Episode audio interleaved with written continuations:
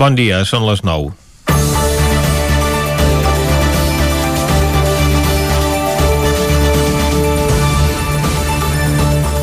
El desgavell al govern català provoca situacions realment surrealistes que ahir enfrontaven dos consellers ballesans. Ara mateix no es posen d'acord si el teletreball és una recomanació o una obligació. Des del departament, el conseller Shakir El Omrani defensa que les empreses públiques i privades estan obligades a treballar a distància en virtut de la resolució del 15 d'octubre del Departament de Salut, que obligava a tancar també bars i restaurants.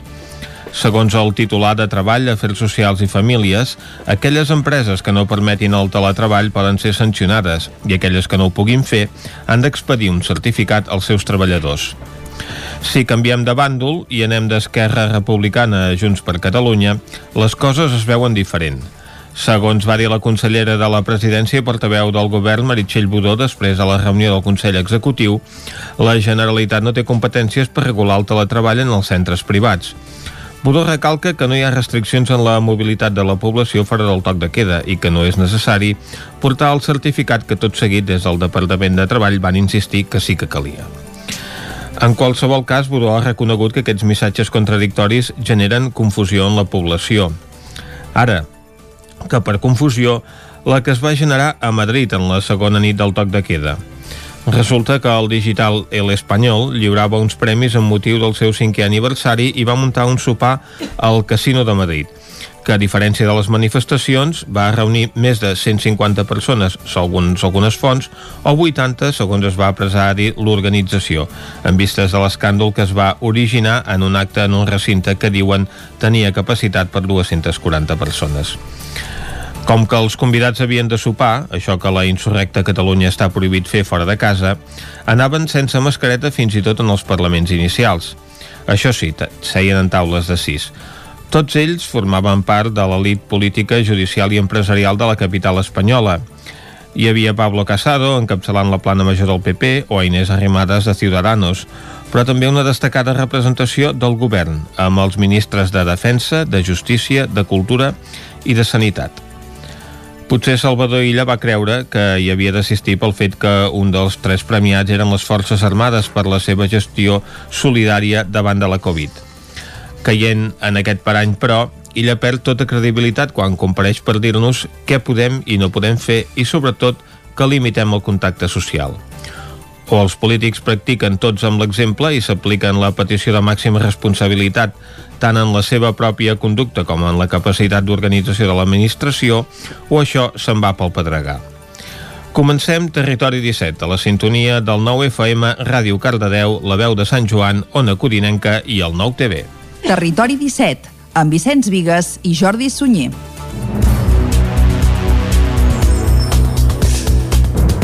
Són les 9 i 3 minuts del dimecres, dia 28 d'octubre de 2020. Comença aquí un nou Territori 17 que avui, durant la primera hora, us acostarà tota l'actualitat de les nostres comarques, evidentment posant èmfasi en tot allò relacionat amb la pandèmia. Després, a partir de les 10, tindrem les seccions habituals. Avui és dimecres i, per tant, parlarem de lletres, el Lletra Ferits. També tindrem una nova entrega de Territori Sostenible, avui per parlar del Banc de Llavors de Roda de Ter, i per acabar al punt de les 12 farem un repàs a l'agenda cultural per aquest cap de setmana, marcat per restriccions, però encara amb alguns actes a l'agenda. Tot això des d'ara mateix i fins a les 12 del migdia. I com sempre el que farem és arrencar tot fent un repàs a l'actualitat de les nostres comarques, les comarques del Ripollès, Osona, el Moianès i el Vallès Oriental.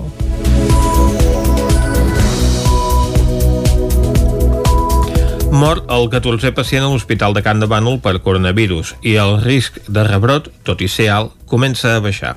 Isaac Muntades, des de la veu de Sant Joan. Ja són 14 els pacients que han mort a l'Hospital de Camp de Bànol des que va començar la pandèmia de la Covid-19 el passat mes de març amb el decret de l'estat d'alarma. Segons fonts hospitalàries, el difunt és una persona de 83 anys i es converteix en la tercera víctima d'aquest mes d'octubre després de les que es van produir els passats dies 3 i 24 d'aquest mes. Cal destacar que, segons el Departament de Salut, la dada de morts al Ripollès s'eleva fins als 26 i s'hi han de comptabilitzar tant els difunts a l'hospital com els que han mort a casa a la residència Ribes o en algun centre hospitalari de fora de la comarca. Les dades de l'hospital comarcal tampoc són gaire esperançadores perquè ja han detectat 286 anàlisis positives, 14 més que dilluns. Té 6 pacients ingressats i hi ha 3 professionals sanitaris aïllats que han donat positiu. També hi ha alguna bona notícia i és que segons les dades del Departament de Salut, tot i que el risc de rebrot del Ripollès continua sent alt i es troba als 754,27 punts, baixa força respecte als 864,08 punts de dilluns. La taxa setmanal de casos confirmats per PCR i test d'antígens és de 333,33 punts, mentre que els casos confirmats s'eleven a 80. En canvi, la velocitat de propagació URT és mitjana i se situa en 1,23 punts. Pel que fa a l'índex de risc de rebrot per municipi, Ribes de Freser és la població amb el risc més alt, tot i que a poc a poc va baixant. L'índex baixa més de 300 punts respecte a dilluns i se situa en 2.710,54 punts amb 49 casos diagnosticats en els últims 14 dies, però només 7 en la darrera setmana. Això significa que el brot de la Covid-19 estava molt concentrat a la residència, que aquest dimarts va rebre un equip purificador d'aire de l'empresa Sodeca per tal de renovar i desinfectar l'aire del geriàtric. A més, la taxa de reproducció de l'epidèmia ja és inferior a 1 i se situa en 0,99 punts. Camprodon, amb 1.834,83 punts, també presenta un risc molt alt i ha diagnosticat 22 casos en les darreres dues setmanes, 15 d'ells en la darrera, i la taxa de reproducció de l'epidèmia se situa en 1,90 punts. A Ripoll i Camp de Bànol la situació és similar amb 874,60 i 864,32 punts respectivament, mentre que a la capital ripollesa s'han detectat 69 positius i 37 d'aquests la darrera setmana, a Camp de Bànol n'han estat 18 i 12 respectivament. En tots dos casos creix la taxa de reproducció de l'epidèmia, tot i que a Camp de Bànol s'incrementa més i puja a 1,55 punts. Sant Joan dels Baderes també té un risc alt, però és de 154,70 punts i la seva taxa de reproducció està per sota de l'1, a 0,71 punts i 7 positius detectats en els últims 14 dies. Llanàs i Sant Pau també tenen un risc molt alt en haver detectat 7 positius cadascun en les darreres dues setmanes. Una família de Manlleu porta 7 mesos confinada per evitar que el seu fill, amb una malaltia rara, es contagi de Covid. En Lluc pateix miopatia miotubular, una malaltia molt minoritària que afecta els músculs esquelètics que li impedeix caminar, parlar i respirar per si sol. Des que va néixer fa 7 anys, els seus pares pràcticament no se separen d'ell i gairebé no surten de casa. Un cible constipat el va fer acabar l'UCI i ara amb la Covid-19 fa 7 mesos que només trepitgen al carrer per anar al metge i a la farmàcia. La família viu a Manlleu. Des que va arrencar la pandèmia al març, com dèiem, les úniques sortides són a l'hospital. La compra també els hi porten, segons els seus pares, com el d'en Lluc. Només hi ha tres casos a tot Catalunya i una quinzena a tot l'estat. La patologia afecta, com dèiem, els músculs esquelètics cognitivament, però no causa afectació. Tot plegat comporta un elevat grau de dependència, ja que no pot valdre's per si mateix i necessita algú pendent d'ell les 24 hores. La mare està de baixa per poder-lo cuidar i el pare treballa des de casa. La família fa una crida a la responsabilitat, ja que asseguren hi ha una part important de la població poc conscienciada amb els riscos de la Covid-19. L'Hospital Universitari de Vic és un dels 62 centres hospitalaris de tot l'estat espanyol que participa a l'Spanish Investigations, un an Emergency Situations Team, un grup de recerca sorgit el passat mes d'abril que treballa amb l'objectiu de millorar el coneixement de la Covid-19 en l'àmbit de la medicina d'urgències. En el seu primer estudi, el grup s'ha centrat en els signes poc freqüents del coronavirus. Lluís Lleuger, metge d'urgències a l'Hospital Universitari de Vic, és un dels professionals que ha participat a l'estudi sobre els signes poc freqüents del coronavirus, una xarxa de recerca que engloba 62 hospitals de l'Estat, 11 dels quals són catalans. A través d'un estudi de casos i controls ha analitzat la presència d'un grup de 10 patologies relacionades de forma poc habitual amb casos d'infecció pel virus. Doncs la, la meningoencefalitis, que és una inflamació del, de les membranes que envolten el cervell i, de, i del cervell. També vam trobar doncs, que la inflamació de, de la membrana que envolta el cor o també de, de la pròpia musculatura del cor, que es diu miopericarditis, també estava, eh, es manifestava d'aquesta manera i també una altra entitat que és el pneumotòrax, que és un acúmul d'aire a, la, a la cavitat de la pleura. L'estudi ha servit també per constatar que l'edat avançada i l'obesitat eleven el risc de morir a causa del virus. L'edat ja sembla algo bastant, eh, diguem, coherent, no?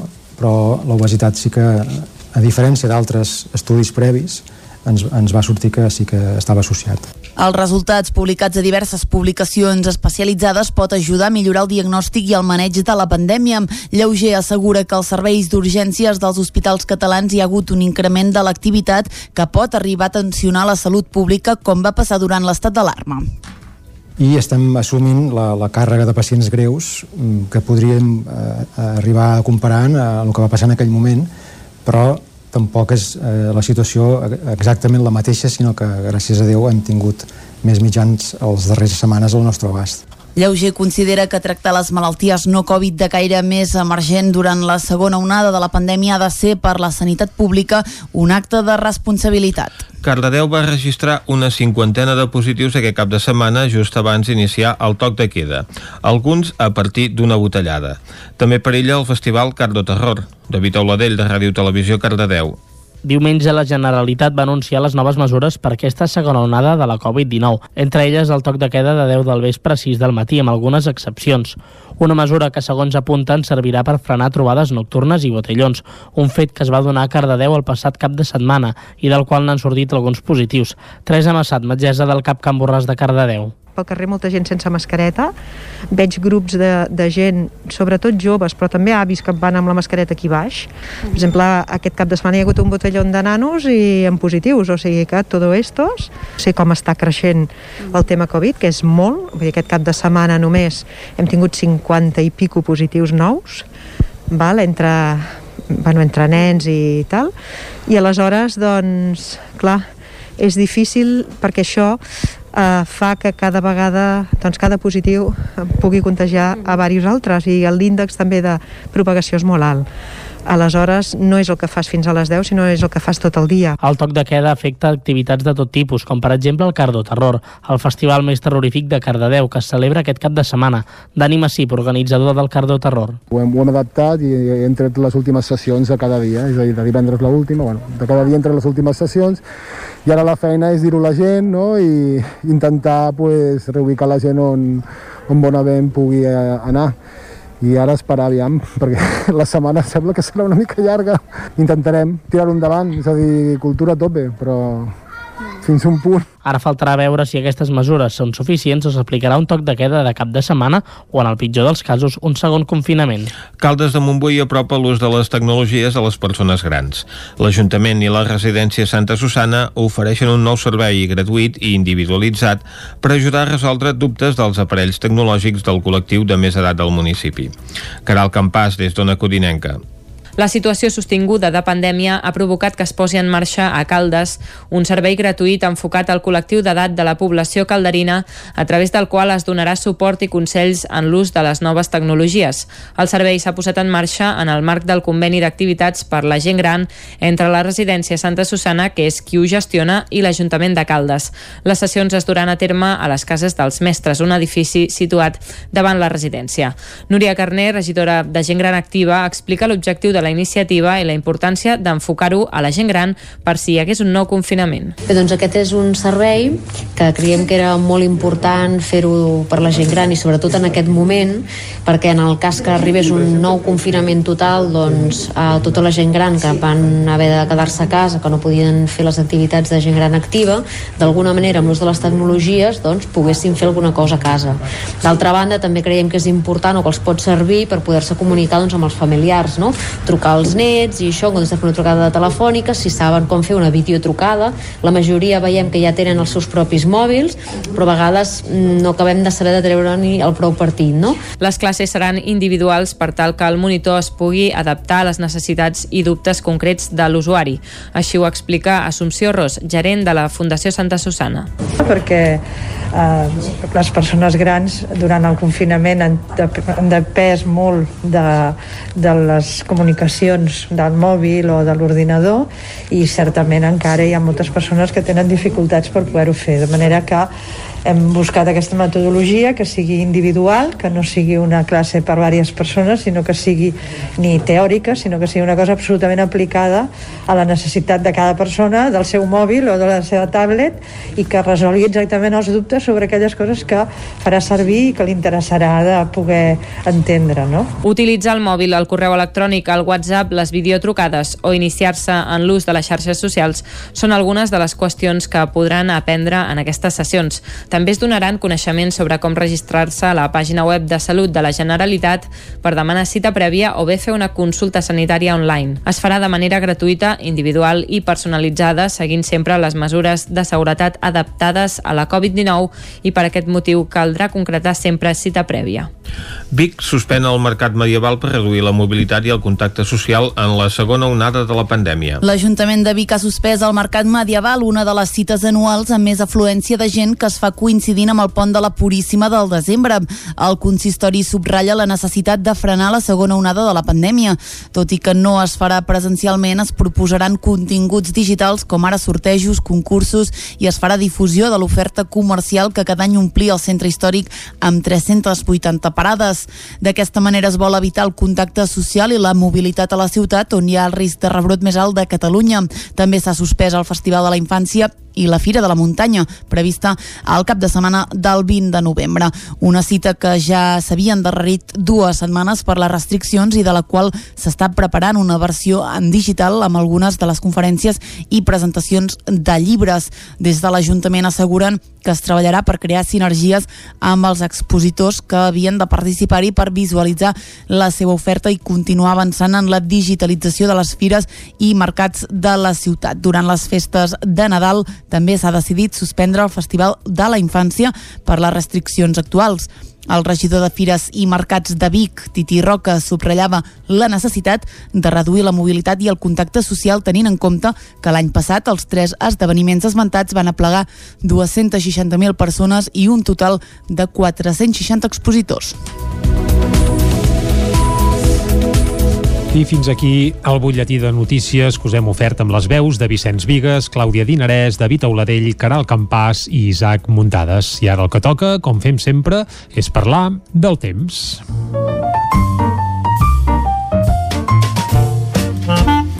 Casa Terradellos us ofereix el temps. I a Territori 17, quan parlem del temps, parlem amb el Pep Acosta. Aquí ja saludem ara mateix. Bon dia, Pep. Hola, molt bon dia. Bon dia, bon dia.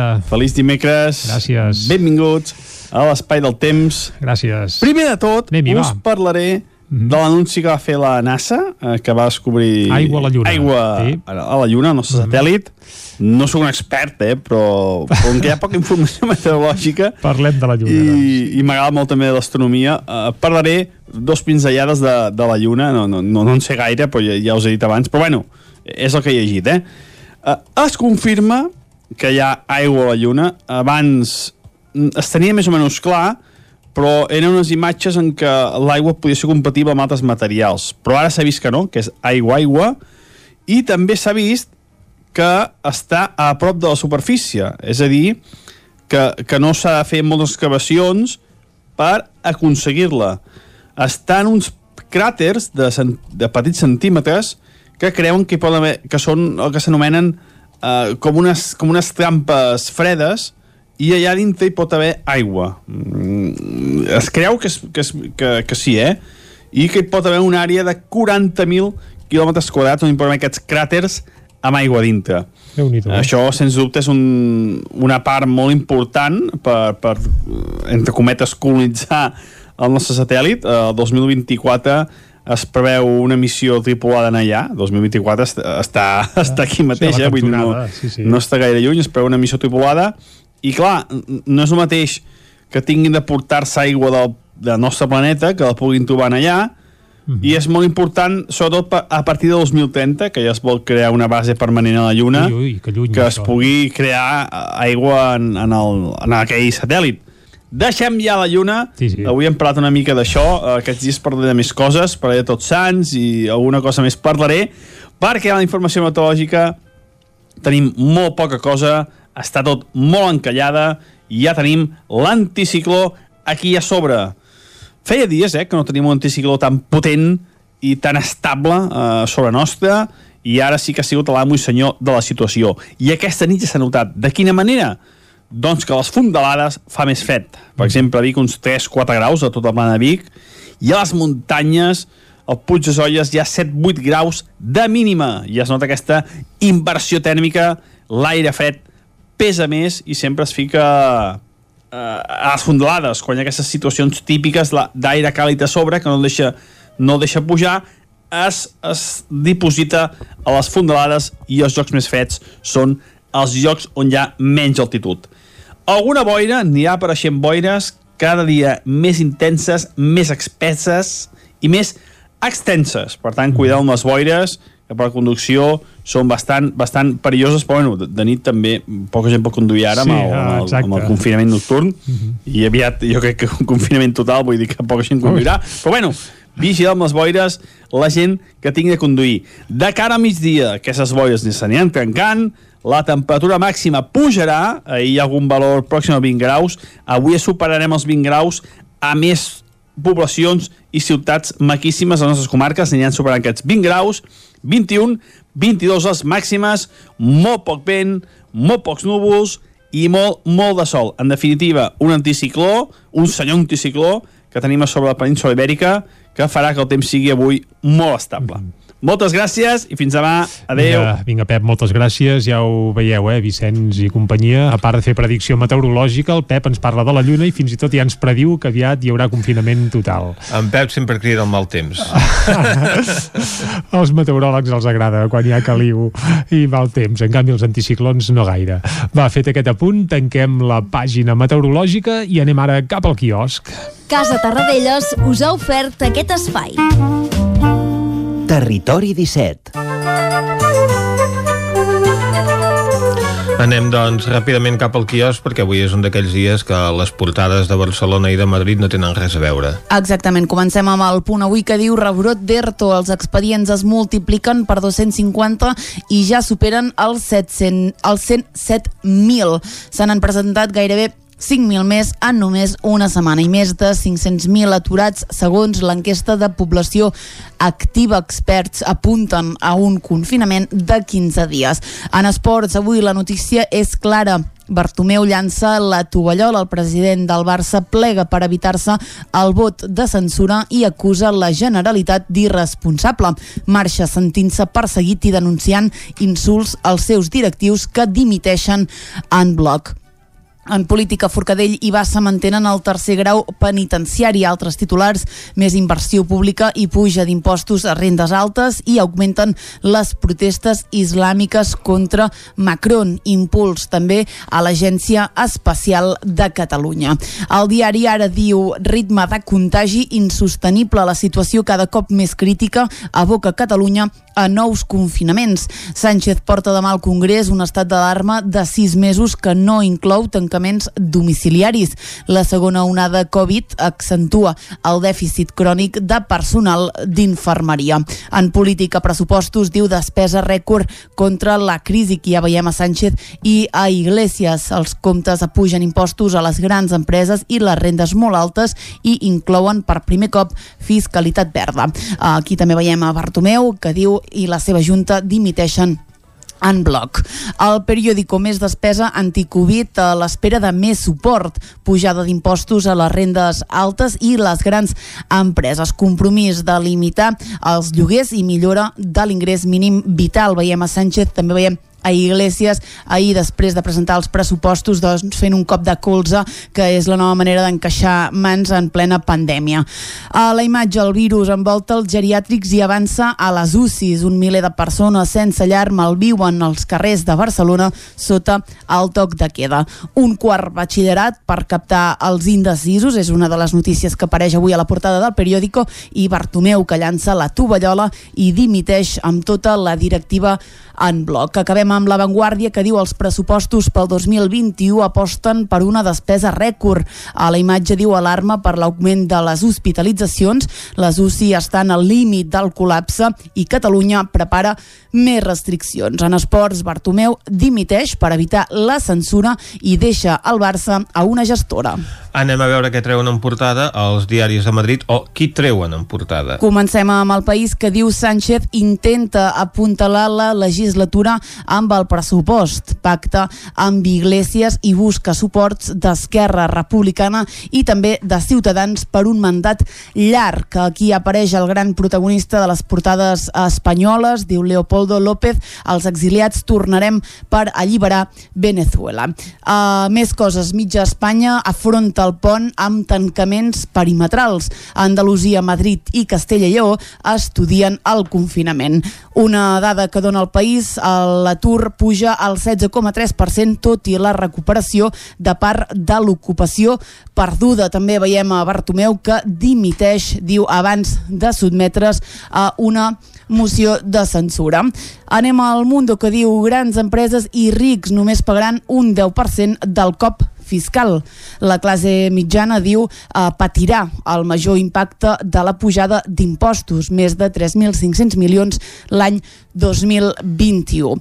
Tornem a veure la imatge, eh, Leopoldo López diu tornaré i alliberarem Venezuela altres titulars que ens deixa el Mundo d'aquest dimecres diu la Fiscalia investiga Celà per forçar la llei per facilitar aprovats i González diu que l'estat d'alarma de Pedro Sánchez és un caos. Alerta perquè l'expresident ha criticat la cogovernança per gestionar la pandèmia i també ha posat en dubte doncs, aquests pressupostos que anem comentant avui. A la Razón, eh, precisament, obren amb aquests pressupostos, diu impuestazo, aquelles paraules que no es poden, val més que no, no traduïm, del govern en plena crisi. El protagonista, però, de la portada és Leopoldo López. Diu, tornaré a Venezuela per alliberar-la. Veieu que les portades espanyoles s'han posat força d'acord amb el titular. En política, en aquest cas espanyola, Sánchez presumeix de majoria per imposar l'estat d'alarma. I aquí tornem a veure a Bartomeu, que diu es rendeix a la Generalitat i acaba dimitint. Avui a l'ABC una doble portada. Per una banda diu Sánchez va invitar els seus amics a Doñana a costa de l'Estat. Diferents matrimonis amb nens i nenes van disfrutar del Palau de les Marismilles l'agost de l'any 2019. Alerta perquè Presidència diu es nega a informar de, del que va costar aquesta trobada tot i el requeriment ferm del Consell de Transparència. I a l'altra banda de la portada hi veiem el Leopoldo López, diu no ens rendirem, volem eleccions lliures. Leopoldo López dona, fa, per, perdoneu, a Madrid la seva primera roda de premsa en llibertat després de sis anys pres a Venezuela i desafia, diu, l'assassí de Maduro. Mateixa foto que el Mundo. Doncs acabem aquí aquest repàs a les portades i aquest bloc informatiu.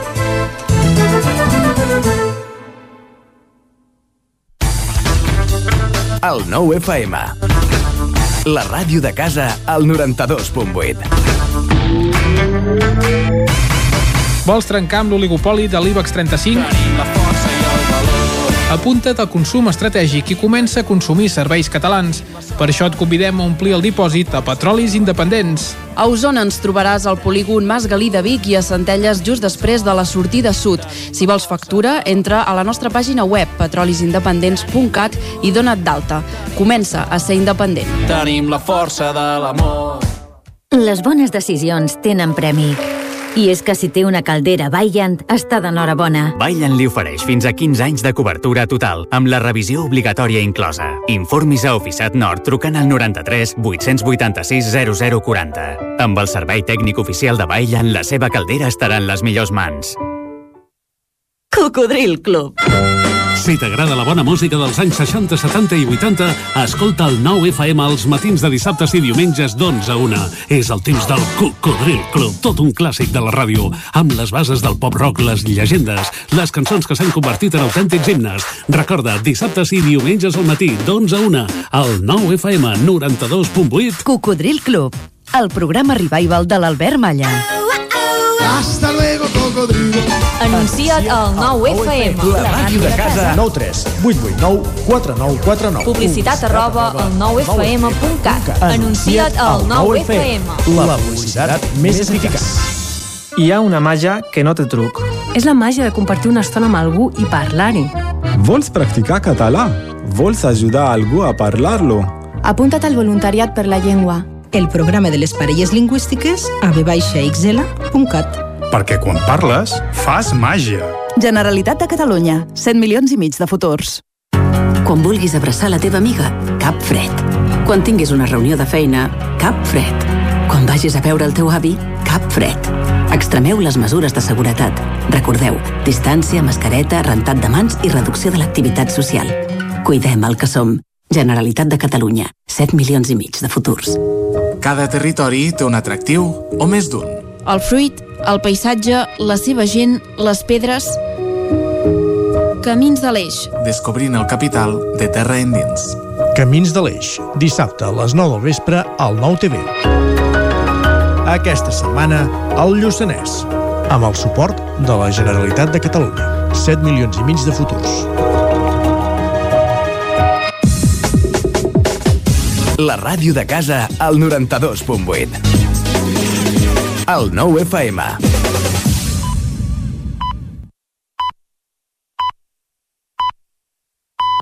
Territori 17, amb Vicenç Vigues i Jordi Sunyer. Són dos quarts de deu en punt del dimecres, dia 28 d'octubre de 2020. Seguim en directe aquí a Territori 17 i encara tenim molta feina per fer fins a les 12 del migdia. Avui, a part de repassar l'actualitat, de seguida ho tornarem a fer. Encara ens espera doncs, la secció de Lletra Ferits per parlar de literatura. Avui conversarem amb l'escriptora Raquel Castellà. També passarem pel territori sostenible, avui per conèixer un banc de llavors que hi ha a Roda de Ter i acabarem al punt de les 12 del migdia fent un repàs a l'agenda cultural per teatres i auditoris i també esglésies, perquè encara estem immersos en el cicle de música religiosa, en el cas de Vic, doncs tot això ho repassarem a la part final del programa d'avui de Territori 17. Ara per això el que toca és acostar-vos de nou tota la informació de les nostres comarques. Ja ho sabeu, les comarques del Ripollès, Osona, el Moianès i el Vallès Oriental. Mort el 14è pacient a l'Hospital de Can de Bànol per coronavirus i el risc de rebrot, tot i ser alt, comença a baixar. Isaac Muntades, des de la veu de Sant Joan.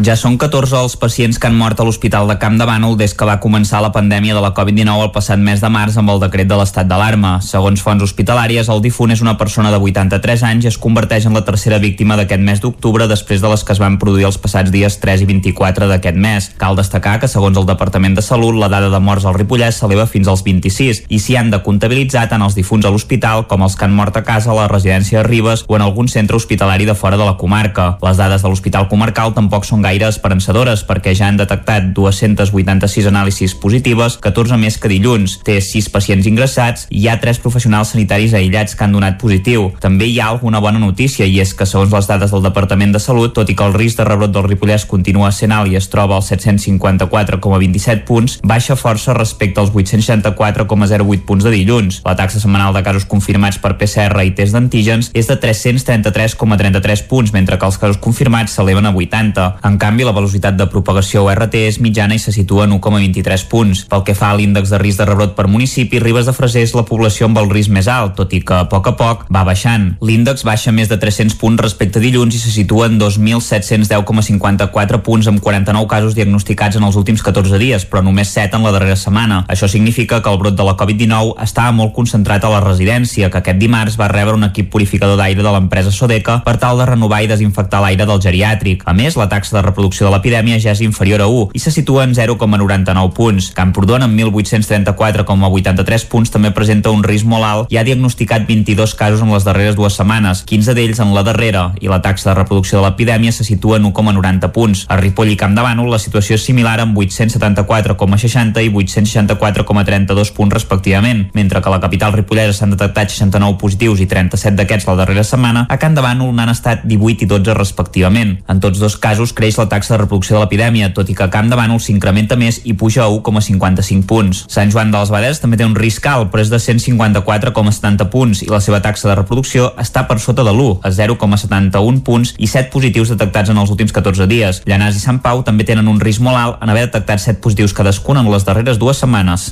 Una família de Manlleu porta 7 mesos confinada per evitar que el seu fill, amb una malaltia rara, es contagi de Covid. En Lluc pateix miopatia miotubular, una malaltia molt minoritària que afecta els músculs esquelètics que li impedeix caminar, parlar i respirar per si sol. Des que va néixer fa 7 anys, els seus pares pràcticament no se separen d'ell i gairebé no surten de casa. Un cible constipat el va fer acabar l'UCI i ara amb la Covid-19 fa 7 mesos que només trepitgen al carrer per anar al metge i a la farmàcia. La família viu a Manlleu. Des que va arrencar la pandèmia al març, com dèiem, les úniques sortides són a l'hospital. La compra també els hi porten, segons els seus pares, com el d'en Lluc. Només hi ha tres casos a tot Catalunya i una quinzena a tot l'estat. La patologia afecta, com dèiem, els músculs esquelètics cognitivament, però no causa afectació. Tot plegat comporta un elevat grau de dependència, ja que no pot valdre's per si mateix i necessita algú pendent d'ell ell les 24 hores. La mare està de baixa per poder-lo cuidar i el pare treballa des de casa. La família fa una crida a la responsabilitat, ja que asseguren hi ha una part important de la població poc conscienciada amb els riscos de la Covid-19. L'Hospital Universitari de Vic és un dels 62 centres hospitalaris de tot l'estat espanyol que participa a l'Spanish Investigations, un an Emergency Situations Team, un grup de recerca sorgit el passat mes d'abril que treballa amb l'objectiu de millorar el coneixement de la Covid-19 en l'àmbit de la medicina d'urgències. En el seu primer estudi, el grup s'ha centrat en els signes poc freqüents del coronavirus. Lluís Lleuger, metge d'urgències a l'Hospital Universitari de Vic, és un dels professionals que ha participat a l'estudi sobre els signes poc freqüents del coronavirus, una xarxa de recerca que engloba 62 hospitals de l'Estat, 11 dels quals són catalans. A través d'un estudi de casos i controls ha analitzat la presència d'un grup de 10 patologies relacionades de forma poc habitual amb casos d'infecció pel virus.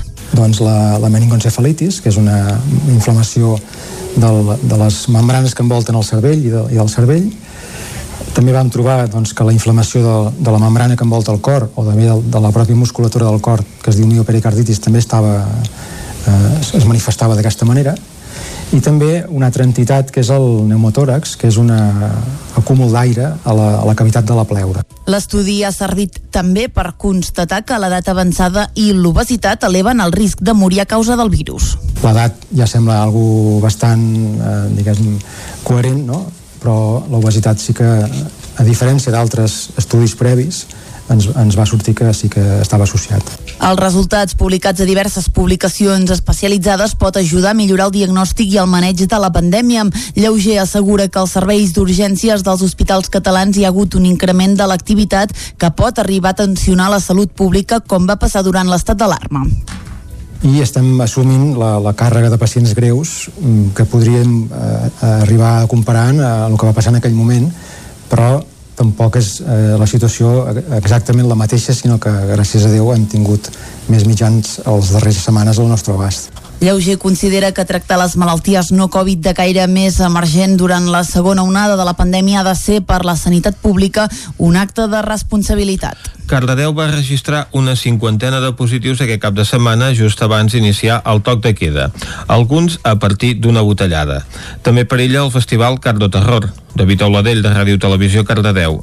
Diumenge la Generalitat va anunciar les noves mesures per aquesta segona onada de la Covid-19, entre elles el toc de queda de 10 del vespre a 6 del matí, amb algunes excepcions. Una mesura que, segons apunten, servirà per frenar trobades nocturnes i botellons, un fet que es va donar a Cardedeu el passat cap de setmana i del qual n'han sortit alguns positius. Teresa Massat, metgessa del CAP Can Borràs de Cardedeu pel carrer molta gent sense mascareta, veig grups de, de gent, sobretot joves, però també avis que van amb la mascareta aquí baix. Per exemple, aquest cap de setmana hi ha hagut un botelló de nanos i en positius, o sigui que tot estos, sé com està creixent el tema Covid, que és molt, vull dir, aquest cap de setmana només hem tingut 50 i pico positius nous, val? entre bueno, entre nens i tal, i aleshores, doncs, clar, és difícil perquè això eh, fa que cada vegada doncs cada positiu pugui contagiar a diversos altres i l'índex també de propagació és molt alt. Aleshores, no és el que fas fins a les 10, sinó és el que fas tot el dia. El toc de queda afecta activitats de tot tipus, com per exemple el Cardo Terror, el festival més terrorífic de Cardedeu, que es celebra aquest cap de setmana. Dani Massip, organitzador del Cardo Terror. Ho hem, ho hem adaptat i hem tret les últimes sessions a cada dia, és a dir, de divendres l'última, bueno, de cada dia entre les últimes sessions, i ara la feina és dir-ho a la gent, no?, i, intentar pues, reubicar la gent on, on Bonavent pugui eh, anar i ara esperar aviam, perquè la setmana sembla que serà una mica llarga. Intentarem tirar-ho endavant, és a dir, cultura a tope, però fins un punt. Ara faltarà veure si aquestes mesures són suficients o s'aplicarà un toc de queda de cap de setmana o, en el pitjor dels casos, un segon confinament. Caldes de Montbui apropa l'ús de les tecnologies a les persones grans. L'Ajuntament i la residència Santa Susana ofereixen un nou servei gratuït i individualitzat per ajudar a resoldre dubtes dels aparells tecnològics del col·lectiu de més edat del municipi. Caral Campàs, des d'Ona Codinenca.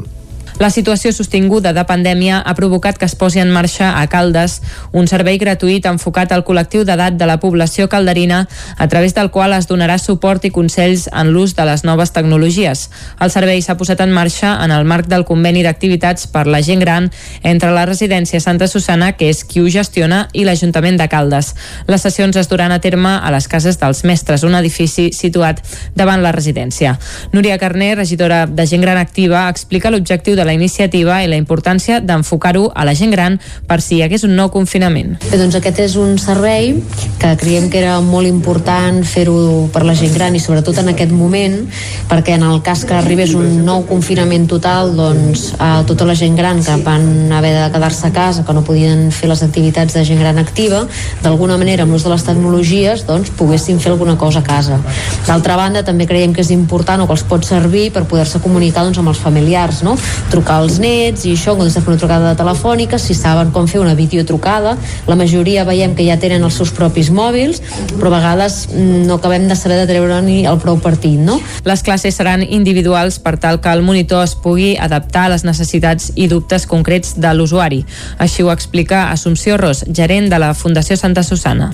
perquè eh, les persones grans durant el confinament han, dep han depès molt de, de les comunicacions del mòbil o de l'ordinador i certament encara hi ha moltes persones que tenen dificultats per poder-ho fer, de manera que hem buscat aquesta metodologia que sigui individual, que no sigui una classe per diverses persones, sinó que sigui ni teòrica, sinó que sigui una cosa absolutament aplicada a la necessitat de cada persona, del seu mòbil o de la seva tablet i que resolgui exactament els dubtes sobre aquelles coses que farà servir i que li interessarà de poder entendre, no? Utilitzar el mòbil, el correu electrònic, el WhatsApp, les videotrucades o iniciar-se en l'ús de les xarxes socials són algunes de les qüestions que podran aprendre en aquestes sessions. També es donaran coneixements sobre com registrar-se a la pàgina web de Salut de la Generalitat per demanar cita prèvia o bé fer una consulta sanitària online. Es farà de manera gratuïta, individual i personalitzada, seguint sempre les mesures de seguretat adaptades a la Covid-19 i per aquest motiu caldrà concretar sempre cita prèvia. Vic suspèn el mercat medieval per reduir la mobilitat i el contacte social en la segona onada de la pandèmia. L'Ajuntament de Vic ha suspès el Mercat Medieval, una de les cites anuals amb més afluència de gent que es fa coincidint amb el pont de la Puríssima del desembre. El consistori subratlla la necessitat de frenar la segona onada de la pandèmia. Tot i que no es farà presencialment, es proposaran continguts digitals com ara sortejos, concursos i es farà difusió de l'oferta comercial que cada any omplia el centre històric amb 380 parades. D'aquesta manera es vol evitar el contacte social i la mobilitat a la ciutat on hi ha el risc de rebrot més alt de Catalunya. També s'ha suspès el Festival de la Infància i la Fira de la Muntanya, prevista al cap de setmana del 20 de novembre. Una cita que ja s'havia endarrerit dues setmanes per les restriccions i de la qual s'està preparant una versió en digital amb algunes de les conferències i presentacions de llibres. Des de l'Ajuntament asseguren que es treballarà per crear sinergies amb els expositors que havien de participar-hi per visualitzar la seva oferta i continuar avançant en la digitalització de les fires i mercats de la ciutat. Durant les festes de Nadal també s'ha decidit suspendre el Festival de la Infància per les restriccions actuals. El regidor de Fires i Mercats de Vic, Titi Roca, subratllava la necessitat de reduir la mobilitat i el contacte social tenint en compte que l'any passat els tres esdeveniments esmentats van aplegar 260.000 persones i un total de 460 expositors. I fins aquí el butlletí de notícies que us hem ofert amb les veus de Vicenç Vigues, Clàudia Dinarès, David Auladell, Caral Campàs i Isaac Muntades. I ara el que toca, com fem sempre, és parlar del temps.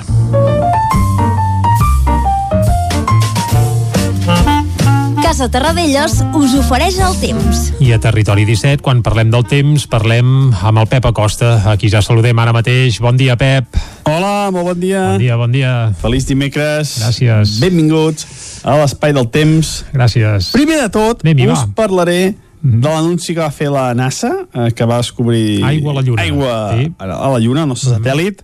No sóc un expert, eh, però com que hi ha poca informació meteorològica Parlem de la Lluna. i, i m'agrada molt també l'astronomia, eh, parlaré dos pinzellades de, de la Lluna, no, no, no, no en sé gaire, però ja, ja us he dit abans, però bueno, és el que he llegit, eh? eh es confirma que hi ha aigua a la Lluna. Abans mm, es tenia més o menys clar, però eren unes imatges en què l'aigua podia ser compatible amb altres materials. Però ara s'ha vist que no, que és aigua-aigua, i també s'ha vist que està a prop de la superfície, és a dir, que, que no s'ha de fer moltes excavacions per aconseguir-la. Estan uns cràters de, de petits centímetres que creuen que, poden haver, que són el que s'anomenen eh, com, unes, com unes trampes fredes i allà dintre hi pot haver aigua. Mm, es creu que, és, que, és, que, que sí, eh?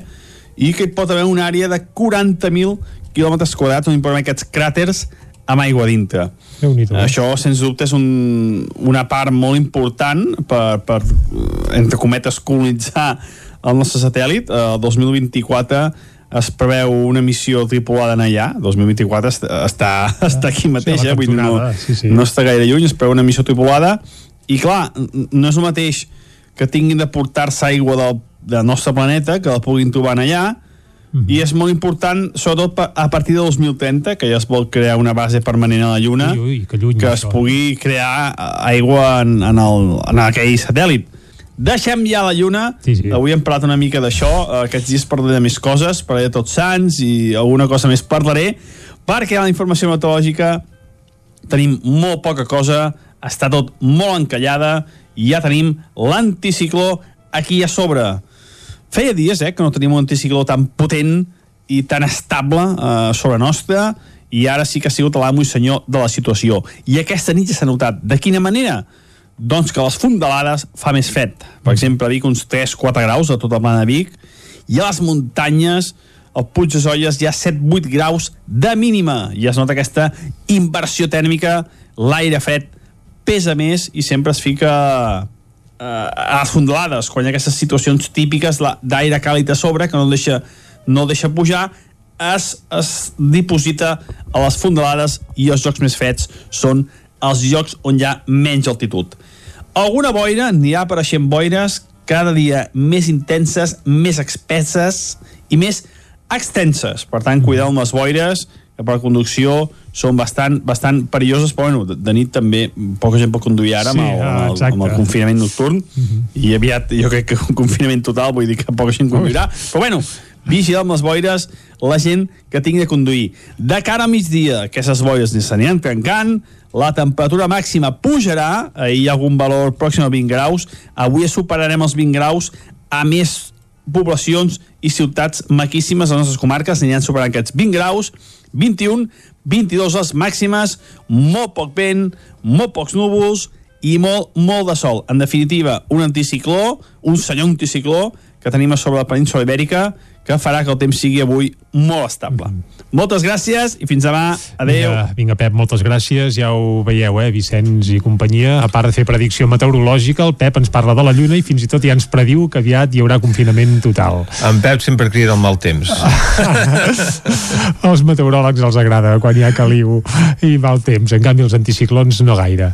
Va, fet aquest apunt, tanquem la pàgina meteorològica i anem ara cap al quiosc. Casa Tarradellas us ha ofert aquest espai.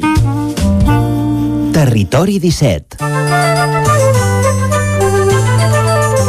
Anem, doncs, ràpidament cap al quiosc perquè avui és un d'aquells dies que les portades de Barcelona i de Madrid no tenen res a veure. Exactament, comencem amb el punt avui que diu rebrot d'ERTO, els expedients es multipliquen per 250 i ja superen els, 700, els 107.000. Se n'han presentat gairebé 5.000 més en només una setmana i més de 500.000 aturats segons l'enquesta de població activa. Experts apunten a un confinament de 15 dies. En esports, avui la notícia és clara. Bartomeu llança la tovallola. El president del Barça plega per evitar-se el vot de censura i acusa la Generalitat d'irresponsable. Marxa sentint-se perseguit i denunciant insults als seus directius que dimiteixen en bloc. En política, Forcadell i Bassa mantenen el tercer grau penitenciari. Altres titulars, més inversió pública i puja d'impostos a rendes altes i augmenten les protestes islàmiques contra Macron. Impuls també a l'Agència Espacial de Catalunya. El diari ara diu ritme de contagi insostenible. La situació cada cop més crítica aboca Catalunya a nous confinaments. Sánchez porta demà al Congrés un estat d'alarma de sis mesos que no inclou tancament tancaments domiciliaris. La segona onada Covid accentua el dèficit crònic de personal d'infermeria. En política, pressupostos diu despesa rècord contra la crisi que ja veiem a Sánchez i a Iglesias. Els comptes apugen impostos a les grans empreses i les rendes molt altes i inclouen per primer cop fiscalitat verda. Aquí també veiem a Bartomeu que diu i la seva junta dimiteixen en bloc. El periòdico més despesa anticovid a l'espera de més suport, pujada d'impostos a les rendes altes i les grans empreses, compromís de limitar els lloguers i millora de l'ingrés mínim vital. Veiem a Sánchez, també veiem a Iglesias ahir després de presentar els pressupostos doncs, fent un cop de colze que és la nova manera d'encaixar mans en plena pandèmia. A la imatge el virus envolta els geriàtrics i avança a les UCIs. Un miler de persones sense llar malviuen als carrers de Barcelona sota el toc de queda. Un quart batxillerat per captar els indecisos és una de les notícies que apareix avui a la portada del periòdico i Bartomeu que llança la tovallola i dimiteix amb tota la directiva en bloc. Acabem amb l'avantguàrdia que diu els pressupostos pel 2021 aposten per una despesa rècord. A la imatge diu alarma per l'augment de les hospitalitzacions. Les UCI estan al límit del col·lapse i Catalunya prepara més restriccions. En esports, Bartomeu dimiteix per evitar la censura i deixa el Barça a una gestora. Anem a veure què treuen en portada els diaris de Madrid o qui treuen en portada. Comencem amb el país que diu Sánchez intenta apuntalar la legislatura amb el pressupost. Pacta amb Iglesias i busca suports d'Esquerra Republicana i també de Ciutadans per un mandat llarg. Aquí apareix el gran protagonista de les portades espanyoles, diu Leopoldo López, els exiliats tornarem per alliberar Venezuela. Uh, més coses, mitja Espanya afronta el pont amb tancaments perimetrals. Andalusia, Madrid i Castella i Lleó estudien el confinament. Una dada que dona el país, l'atur puja al 16,3%, tot i la recuperació de part de l'ocupació perduda. També veiem a Bartomeu que dimiteix, diu, abans de sotmetre's a una moció de censura. Anem al Mundo que diu grans empreses i rics només pagaran un 10% del cop fiscal. La classe mitjana diu eh, patirà el major impacte de la pujada d'impostos, més de 3.500 milions l'any 2021. Tornem a veure la imatge, eh, Leopoldo López diu tornaré i alliberarem Venezuela altres titulars que ens deixa el Mundo d'aquest dimecres diu la Fiscalia investiga Celà per forçar la llei per facilitar aprovats i González diu que l'estat d'alarma de Pedro Sánchez és un caos. Alerta perquè l'expresident ha criticat la cogovernança per gestionar la pandèmia i també ha posat en dubte doncs, aquests pressupostos que anem comentant avui. A la Razón, eh, precisament, obren amb aquests pressupostos, diu impuestazo, aquelles paraules que no es poden, val més que no, no traduïm, del govern en plena crisi. El protagonista, però, de la portada és Leopoldo López. Diu, tornaré a Venezuela per alliberar-la. Veieu que les portades espanyoles s'han posat força d'acord amb el titular. En política, en aquest cas espanyola, Sánchez presumeix de majoria per imposar l'estat d'alarma. I aquí tornem a veure a Bartomeu, que diu es rendeix a la Generalitat i acaba dimitint. Avui a l'ABC una doble portada. Per una banda diu Sánchez va invitar els seus amics a Doñana a costa de l'Estat. Diferents matrimonis amb nens i nenes van disfrutar del Palau de les Marismilles l'agost de l'any 2019. Alerta perquè Presidència diu es nega a informar de, del que va costar aquesta trobada tot i el requeriment ferm del Consell de Transparència. I a l'altra banda de la portada hi veiem a Leopoldo López, diu no ens rendirem, volem eleccions lliures. Leopoldo López dona, fa, per, perdoneu, a Madrid la seva primera roda de premsa en llibertat després de sis anys pres a Venezuela i desafia, diu, l'assassí de Maduro. Mateixa foto que el Mundo. Doncs acabem aquí aquest repàs a les portades i aquest bloc informatiu. Doncs molt bé, tancat el bloc eh, de repàs a les portades de premsa d'avui, Vicenç, on sembla que el Bartomeu hi té molt de pes. Anirem... Ah, són molts diaris de Catalunya, perquè Sí, molts també. diaris de Madrid ho fan de forma diferent, no? Que treuen en portada tots eh, aquesta compareixença de Leopoldo López, el que doncs eh, eh, tracten de pres polític, no el tracten de colpista, sinó de Sí, pres és- polític i exiliat, que és allò que a Espanya no Sí, és, existeix. és curiosa la vara de medir que es fa servir per parlar d'una colònia, d'una excolònia i de- d'una altra. Bé, però tampoc ara entrarem en aquest tema, que seria una mica perillós, i anirem a parlar de música, eh? com sempre fem fins al punt de les 10, i avui estrenarem eh, una cançó, com fem sovint aquí a Territori 17. Mhm. Bé, més que estrenar, cal dir que es va estrenar fa un parell de dies, nosaltres la pescarem i la posarem a les orelles de tots els oients. Estem parlant de la nova cançó de la Bet. La recordes, la Bet? I tant. Operación Triunfo, etc. Sí, Pim Pam. senyor. Després Mhm. va anar reciclant el seu discurs, també les seves cançons. Uh, El I seu ara... estil, també. Sí, també.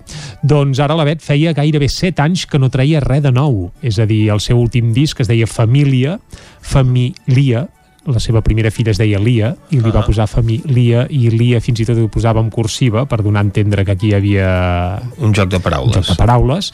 Doncs bé, ara la seva primera filla ja s'ha fet gran, la segona es veu que també, i tornarà a l'activitat discogràfica traient un nou disc el 2021.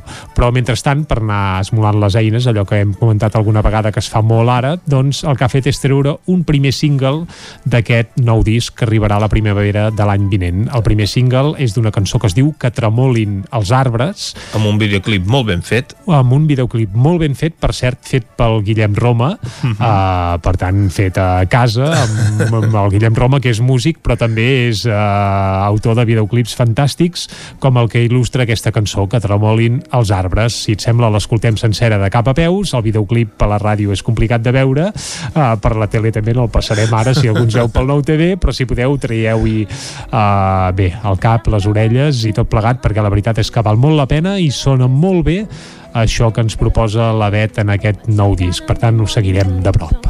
Escoltem a la Bet. Que tremolin els arbres. A les 10 tornem aquí a Territori 17. He creuat l'oceà i ha valgut la pena. Més enllà del teu cor no hi veig cap frontera i jo no em desespero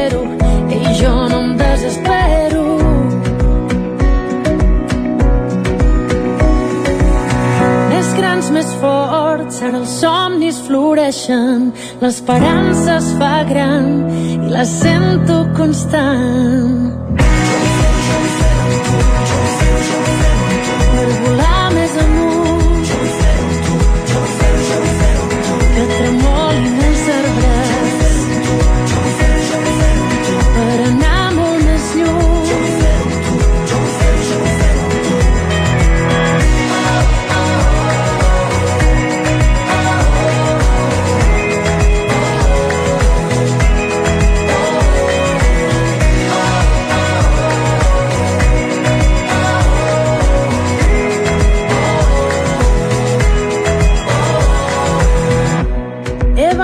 Tota por entre amor i guerra. He cantat mil cançons que ja formen part del món i torno a fer-ho. Van sonant melodies a dins el meu cap. I he trobat a poc a poc la millor manera de poder ser qui sóc. No hi ha marxa enrere i jo em desespero i jo no em desespero.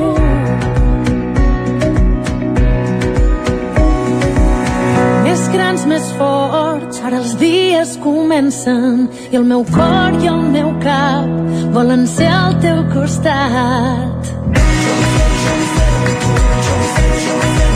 Per volar més amunt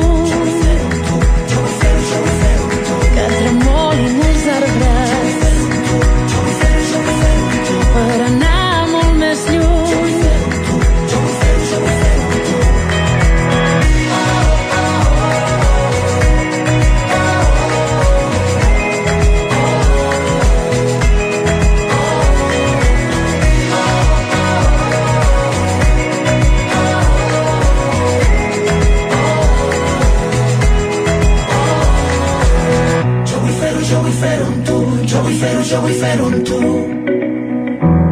Jo vull fer-ho amb tu, jo vull fer-ho, jo vull fer-ho amb tu.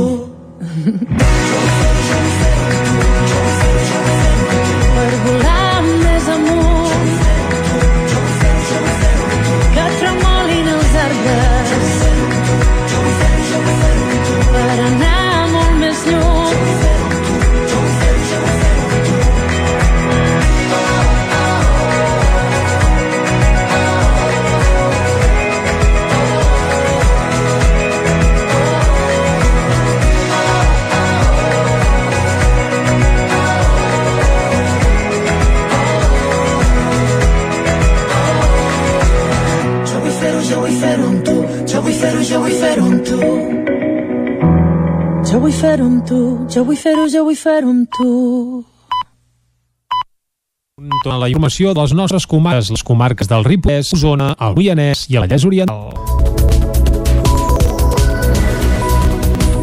L'Ajuntament de Tolló conjuràriament les ordenances fiscals i introdueix algunes modificacions pel afectat Covid-19.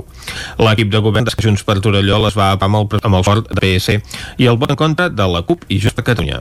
Els vots a favor dels regidors del PSC, l'equip govern de Regió Torelló estan via aprovar aquest dilluns ordenances fiscals per l'any 2021. L'IBI continua congelat, tot i que s'incrementa el tips falsibles amb valors alts i també puja fins a 1.000 euros la taxa d'ocupació a la via dels caixers en façanes d'entitats financeres. També s'introdueixen bonificacions relacionades amb la crisi sanitària, com la reducció del 50% de la quota dels infants per a grups confinats o la reducció del 50% de les tarifes d'ocupació de la via pública arxant terrasses de bars. Elisabet Vies, la regidora de l'Ajuntament de Torelló. En resum, proposa la congelació de pràcticament tots els impostos i taxes i la implementació de La CUP i Junts per Catalunya van votar en contra de les ordenances. Els copaires reclamaven que sigui efectiva la Comissió de, de Fiscalitat Passiva, que l'Agidor es va comprometre a dotar de més contingut l'any vinent, i Junts perquè considera que no reflecteixen els ajuts fiscals que necessiten la ciutadania i el teixit econòmic. D'altra banda, Ale va donar el tiplau a la proposta de la CUP d'estudiar la creació d'una empresa municipal de serveis que els presti amb una gestió pública. Francesc Mariquer és el portaveu de la CUP. Per això creiem que cal treballar per censar tots els serveis que actualment l'Ajuntament té externalitzats mirar quins són els propers que acaben contracte, prioritzar els que són més importants, assumir-ne la gestió directa i estudiar quina fórmula de gestió directa és idònia per cada cas. Les càmeres de control d'accés al nucli antic entraran finalment en funcionament un cop aprovat el reglament. Hi haurà un període de prova entre el desembre i el gener i després es començaran a aplicar sancions. La càmera del carrer Sant Feliu no multarà. Planoles vol tenir una escola bressol de cara al curs 2021-2022. Isaac Muntades, des de la veu de Sant Joan. L'Ajuntament de Planoles s'ha plantejat molt seriosament tenir una escola bressol de cara al curs 2021-2022. La proposta va arribar a través d'una sèrie de pares que ja porten els seus fills a l'escola Núria Morell, Pis, Ercom, Ternau del municipi i que han tingut criatures recentment. Actualment el centre educatiu compta amb 23 alumnes d'entre 4 i 12 anys i la idea seria incorporar-hi nens petits d'entre 1 i 3 anys. De moment el consistori ha d'informar el Consell Escolar del Ripollès d'aquesta intenció, aprovar-ho per ple i fer la petició formal a la Generalitat de Catalunya a partir del primer trimestre de l'any vinent. En el darrer any han nascut tres nens a Planoles i l'alcalde del municipi, David Verge, assegura que és un nou servei que ha d'ajudar a incrementar la població. Un projecte important pel municipi, tot és qüestió de començar, perquè al final és un servei més que donem al municipi. Sobre la taula tinc 23 mails de famílies que volen venir a viure a pobles de muntanya, eh? no només a Planoles. 23 famílies que per motius diferents doncs, volen deixar la ciutat i volen venir a pobles de muntanya. A muntanya gent que a vegades, bueno, ja, i a vegades amb la, amb la pandèmia doncs, també hi ha alguns casos que això segurament ho ha accelerat. Gent que té ganes de fer canvi de vida i venir a viure a llocs més tranquils de muntanya. Llavors tenir una escola rural, com ja tenim, amb 23 nanos, i a part tenir a l'escola Bressol, doncs això també és un servei de més que podem donar. Evidentment, el fet de poder tenir una escola bressol implicarà que s'hagi de contractar almenys una altra educadora més, que haurien de pagar entre el consistori i els pares. Per altra part, Verge ja va parlar amb la directora de l'escola de primària per veure com podien encabir els nens més petits. En principi, el centre compta amb espai suficient per dedicar algunes sales als més menuts, però la Generalitat serà qui hauria de dir si cal fer algun tipus d'inversió. L'alcalde de Gent per Planoles va detallar que el pressupost de l'any vinent compten amb una partida de 3.500 euros per destinar a l'escola i que es podria modificar en el cas de necessitar-ne més. En el cas que el projecte no tiri endavant, aquests diners anirien destinats a seguir fent reformes al centre, sobretot en el terra de l'edifici. El ple de l'Ajuntament de Cardedeu va aprovar dijous l'augment de la taxa d'escombraries pel proper any 2021. David Auladell, de Ràdio Televisió Cardedeu. L'Ajuntament de Cardedeu ha tirat endavant les ordenances fiscals pel 2021 sense el suport de cap dels partits de l'oposició. Les ordenances han estat aprovades tot i la crítica per part de la resta de partits, especialment pel que fa referència a l'augment de la taxa d'escombraries, que pujarà al voltant d'un 20% tot i que l'Ajuntament va aclarir que l'augment es deu a l'increment dels preus del servei i va recordar que el percentatge inclou la pujada de preus del 2020 que no s'havia incorporat al rebut, els partits de l'oposició van criticar durament tant l'augment de preus tenint en compte la situació econòmica actual com la qualitat del servei rebut per part del Consorci de Residus. Escoltem Josep Quesada, cap de l'oposició del PSC, i Jordi Nadal, de Junts.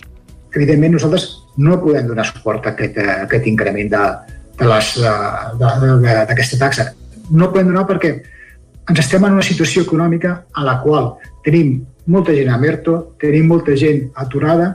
Jo penso que aquí l'Ajuntament hagués pogut fer més que no pas dedicar a aplicació d'un increment del cost, de, del, cost, del cost de servei. Jo ja quasi bé ni entraria en la qualitat del servei eh, que se'ns està prestant, que és obvi que, que és manifestament millorable obvi. És a dir, això, qui ens ho discuteixi és que no té ulls a la cara i no està mirant com estan els containers des de ja fa temps de manera mantinguda eh, en el temps. Llavors, només per aquest punt ja ens valdria la pena mm, votar-hi en contra.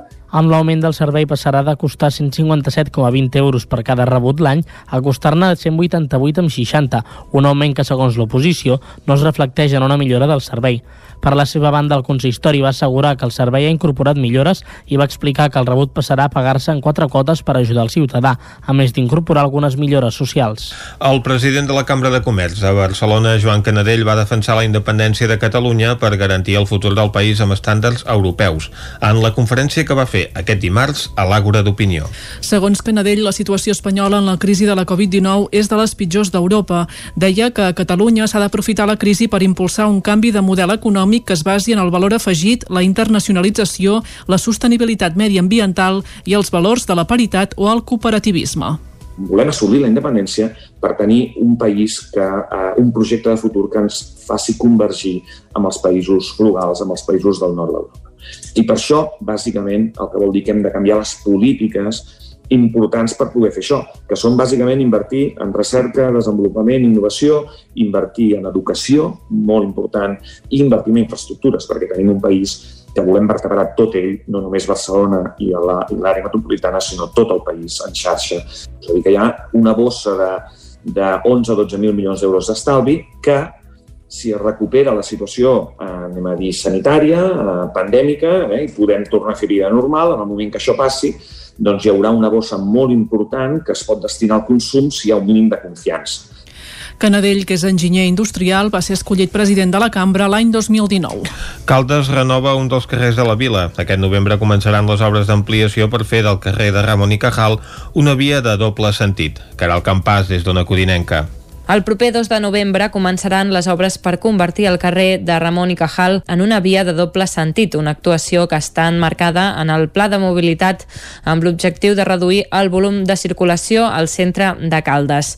Amb aquest objectiu, reflectit també a l'estudi de mobilitat sostenible del municipi, aquesta actuació és un pas previ per donar sortida a la circulació en futures actuacions de peatonalització a altres carrers i així donar un itinerari alternatiu. Isidre Isidre Pineda, alcalde de Caldes, dona detalls de la durada i el cost de les obres. Aquesta actuació, que serà una actuació important, de més de 200.000 euros, amb unes obres que duraran més de, al voltant d'uns 3 mesos, estem convençuts que seran molt ben rebudes pels calderins i calderines que fan servir aquesta zona com a, com a via de circunvalació i també eh, perquè no només estarem convertint el carrer Ramon i Cajal una via de doble sentit, sinó que també estarem urbanitzant, acabant d'urbanitzar una zona que, que no ho estava. Es tracta d'una un, via, d'un carrer molt concorregut, que actua com a corona, com a circunvalació de la, de la nostra vila, però que és especialment sensible perquè també és la zona d'accés de la zona escolar de l'escola Montbui. La idea del consistori és crear un nou cinturó al perímetre del poble per absorbir el trànsit del centre. En parla en aquest sentit Jaume Mauri, regidor de Mobilitat.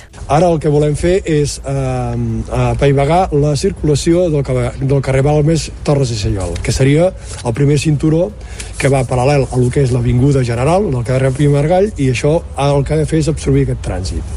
Com que el, el Balmes i Torres de Sallola el veiem també amb molta densitat en hores punta, el que obrim és un tercer cinturó, circunvalació, que va de la zona del Bugarai fins a les Cremades sense haver de passar pel centre urbà. L'actuació al carrer Ramon i Cajal es complementarà amb la que s'efectuarà a la C59 amb un pas soterrat cap al cementiri. Així es permetrà un itinerari perimetral alternatiu per arribar a la part nord del poble, on s'hi situen poliesportius i escoles, reduint el volum de circulació de vehicles al centre. Des del passat divendres i fins l'1 de novembre se celebra de forma presencial el 16è Festival BBVA de Música Religiosa de Vic. El festival, com cada any, s'havia de celebrar per Setmana Santa, però a causa de la pandèmia es va haver d'ajornar. El Festival BBVA de Música Religiosa de Vic s'ha adaptat a les circumstàncies actuals.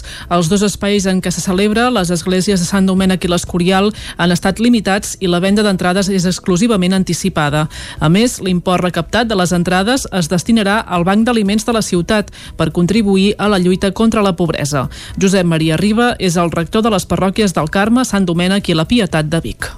El 16è Festival del BBA de Música Religiosa tira endavant i ha tirat endavant, malgrat sigui la tercera oportunitat, perquè ni la primera ni la segona van poder reeixir, però la tercera sí. Penso que és un, un èxit haver trobat complicitat amb el públic que, vindrà, que ve, trobar complicitat amb aquells que han fet d'esponsorització del festival i penso que és poder donar una oportunitat als músics en aquest moment de dificultats és una possibilitat de mantenir viu 16 anys de tradició de Festival de Música Religiosa i és important també de que aquesta dimensió cultural arreli profundament a la nostra ciutat. El festival compta amb actuacions de diferents estils i de gran nivell musical. Així ho van demostrar els Nexus Piano Duo el passat diumenge. El públic va poder gaudir d'una versió del Requiem de Mozart, tot i que l'església es quedés a les fosques durant uns minuts. Les properes actuacions són aquest cap de setmana. Divendres a dos quarts de nou del vespre actuarà el guitarrista Bernat Pedrosa i dissabte a la mateixa hora els Poètic Trio oferiran 11 poemes de Maragall musicats. Diumenge a les 7 de la tarda tancarà el festival l'Orquestra de Cambra Terrassa 48 amb una adaptació de la creació de Haydn Biden, acompanyada de la veu d'Enric Arquimbau.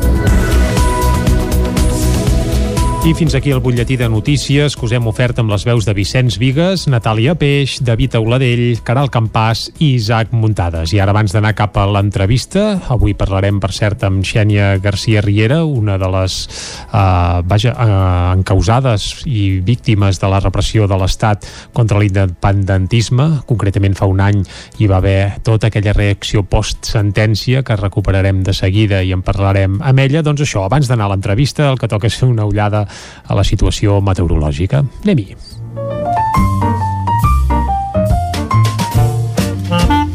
Casa Terradellos us ofereix el temps. I qui ens parla i ens acosta el temps aquí a Territori 17 és en Pep Acosta. Bon dia, Pep.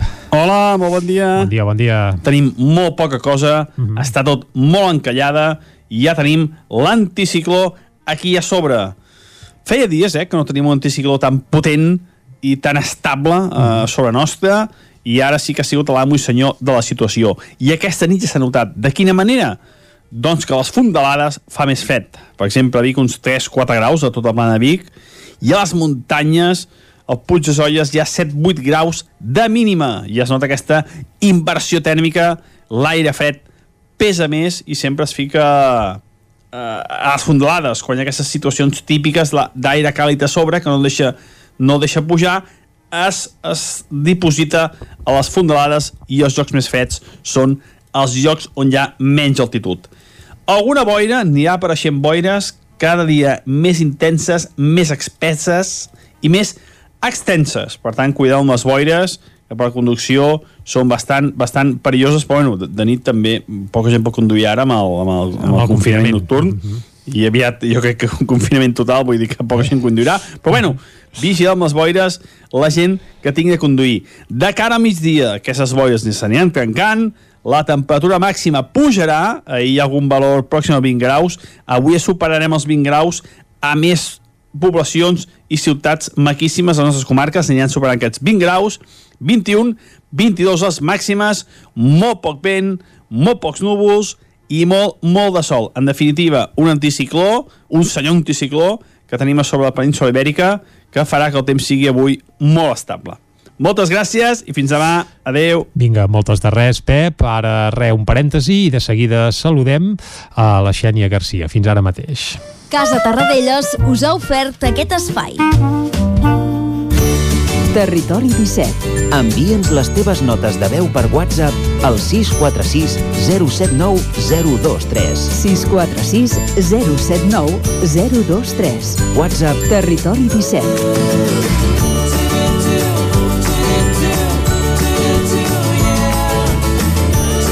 Territori 17.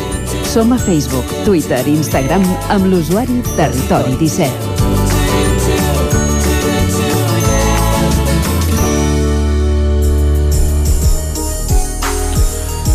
Ara mateix és un quart d'onze. Aquesta setmana passada es va complir un any de les protestes al carrer per la sentència del procés. Diverses persones van ser detingudes en les protestes a Barcelona. Una d'elles és la Xènia Garcia Riera de Caldes de Montbui, que va ser detinguda al carrer Junqueras de Barcelona. Va passar 13 dies a la presó de Batràs. El vídeo de la seva detenció es va fer viral i al seu municipi, a les Rosalies, de seguida es va crear un grup de suport sobre, sota el lema Xènia Llibertat, que ara s'ha reconvertit en Xènia Absolució. En parlem des d'una codinenca, Caral Campàs, bon dia. Hola, bon dia, Vicenç. Uh, doncs sí, aquest uh, grup es va crear i es va anar reunint encapçalat pels pares de la Xènia i altra gent que es va solidaritzar amb ella i bé, es van organitzar diverses uh, actuacions a Caldes, que en parlarem amb ella i ara el cas de la Xènia continua en fase d'investigació. Per parlar-ne la tenim a l'altra banda de la línia telefònica. Bon dia, Xènia. Hola, bon dia. Uh, com estàs? Bé. Sí, molt bé. Els fets van succeir, com dèiem, en el marc de les protestes a Barcelona. Uh, quin record tens d'aquell dia? No sé com va anar tot plegat. Bueno, va ser un dia molt raro, perquè el primer dia que jo baixar a Barcelona a manifestar-me, llavors va ser com... Igual vaig baixar com... Perquè vaig arribar a Barcelona i em vaig posar en moviment, igual van passar 30 o 45 minuts fins que va passar tot, llavors va ser com... cap de la fi no vaig, no vaig poder acabar de veure gran cosa sobre les coses que s'estaven fent dia a Barcelona. Llavors va ser com una mica estrany. El vídeo que es va fer viral, gravat des d'un dels balcons del carrer Junqueras, es veu al moment de la teva detenció, com t'agafen i t'arrosseguen i et posen a dins de la furgoneta. Devia, devia ser molt impactant, inesperat i dur per tu, no? Home, sí, jo mai m'havia trobat en una situació igual com aquella, no? Jo en aquell moment només pensava que, que vingués algú i m'ajudés i, i m'agafés i em traiés d'allà, no? Però clar, era impossible. Eh, comentes que tot va anar molt, molt ràpid, eh, tu vas arribar allà i deies no, gairebé no vas poder, poder veure res, va passar eh, molt poca estona. Eh, un cop a la comissaria de Via Laietana sabies quins passos seguirien, eh, quan vas poder parlar amb la teva família, que també estava preocupada?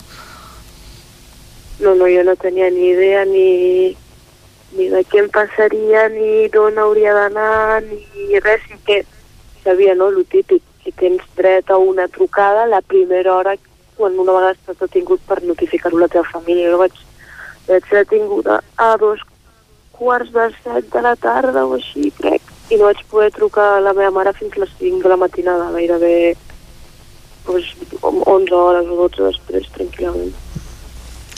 Carai, eh, tu, tu ets jove de Caldes, però a més a més no formes part de, de cap organització política, oi?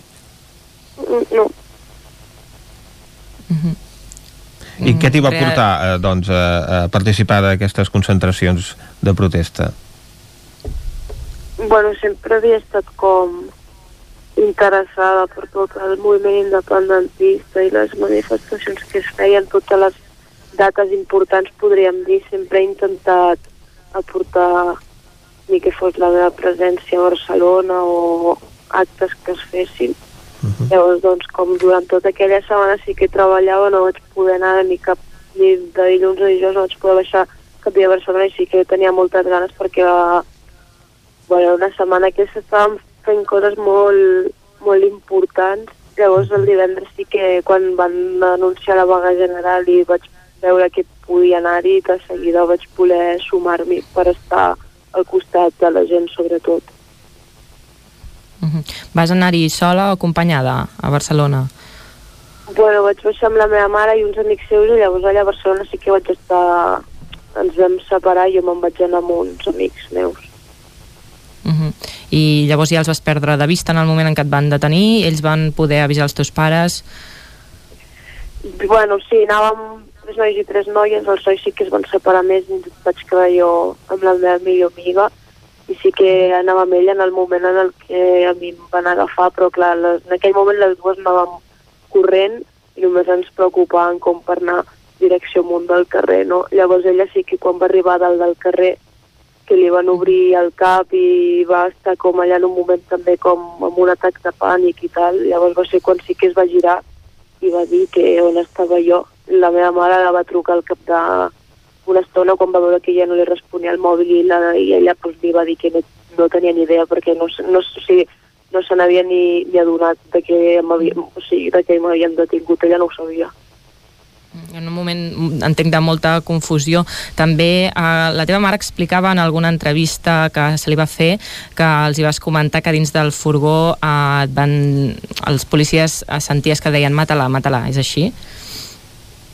Eh, sí, bueno, sí, sí, bueno, és, hi ha molta gent que em fa bastanta ràbia, no? Perquè sempre diuen igual no ho va escoltar bé o, o l'altre dia vaig llegir un comentari que deia que igual havien dit ata-la, però que és una cosa que jo quan la vaig escoltar, de fet va ser com el primer que els hi vaig dir als meus pares quan vaig poder veure'ls el primer el segon dia a la presó perquè va ser com una cosa que a mi se'm va, acabar, o sigui, se'm va quedar gravada dins el cap i bé, estic 150% segura de que van dir allò, o sigui, no, no tinc cap mena de dubte.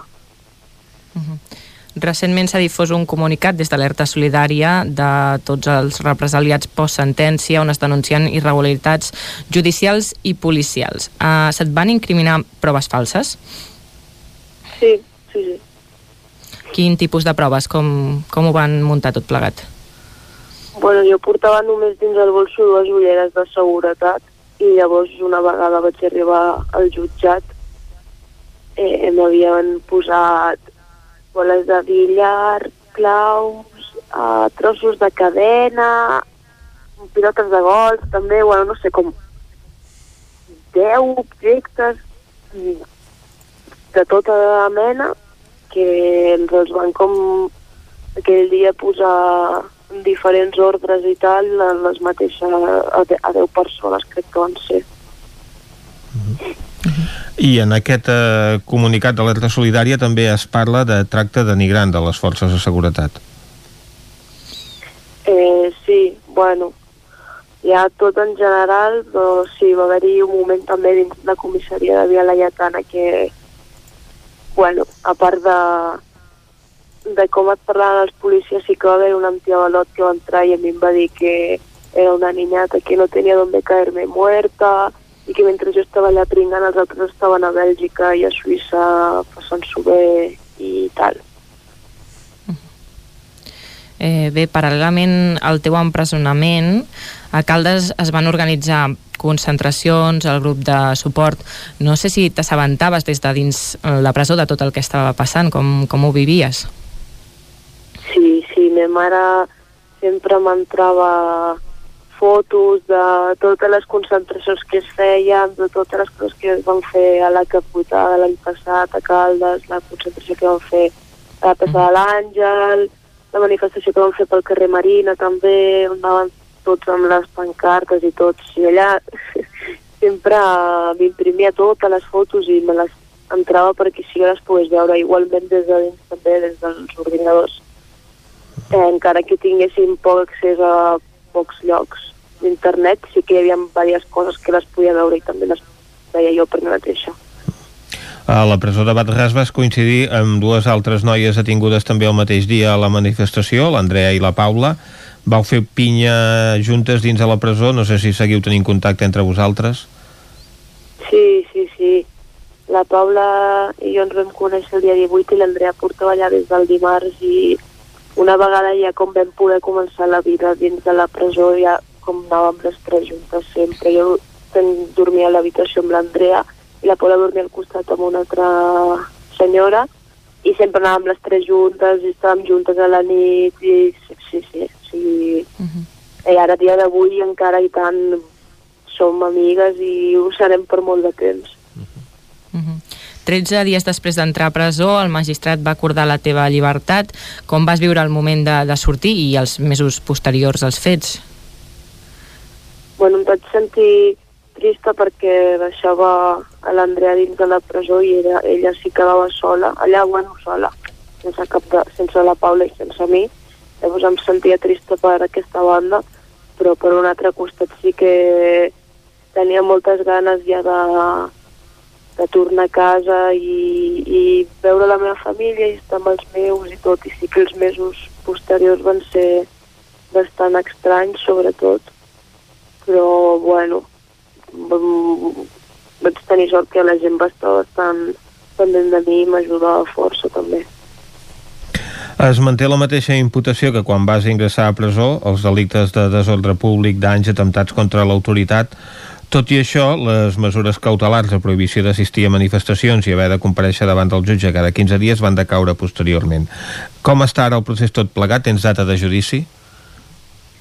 No, no tenim ni idea de res. Estem pendents de que m'havien d'intervenir el, el meu telèfon mòbil, però encara no, no se sap res. L'instrucció s'hauria de tancar d'aquí poc, crec, i haurien de posar una data, però no tinc ni idea. Amb tot això del coronavirus i tot, les coses van més lentes del que haurien d'anar.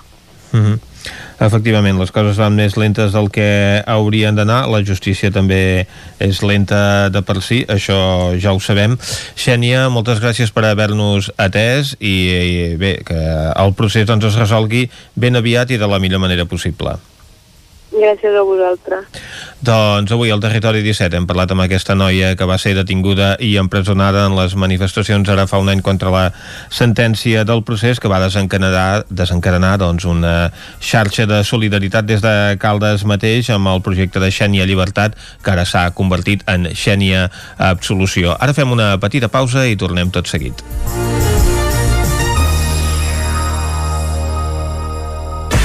El nou FM, la ràdio de casa, al 92.8. Tens por de l'ordinador? Vine al Magí. Amb les nostres píndoles digitals aprendràs la diferència entre internet i el núvol, com utilitzar el mòbil i les apps, i si ets professor dominaràs el Classroom. Sessions totalment pràctiques, fàcils i interactives. Som a Vic, telèfon 693 75 05 07 o també ens pots visitar al magi.cat. Inscripcions obertes.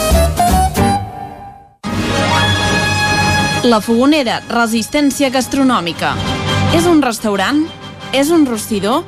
És La Fogonera, la cuina en directe des de GURB, on encarregues, ho vens a buscar i ara també t'ho portem a casa. La Fogonera, resistència gastronòmica. Ara, amb la fogonera de dia, amb aperitius, arrossos, segons plats i postres.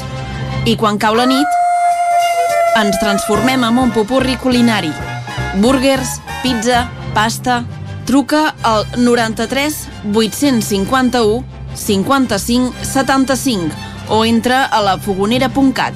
La Fogonera, el teu aliat gastronòmic. Cocodril Club. Si t'agrada la bona música dels anys 60, 70 i 80, escolta el 9 FM els matins de dissabtes i diumenges d'11 a 1. És el temps del Cocodril Club, tot un clàssic de la ràdio, amb les bases del pop-rock, les llegendes, les cançons que s'han convertit en autèntics himnes. Recorda, dissabtes i diumenges al matí, d'11 a 1, al 9 FM 92.8. Cocodril Club, el programa revival de l'Albert Malla.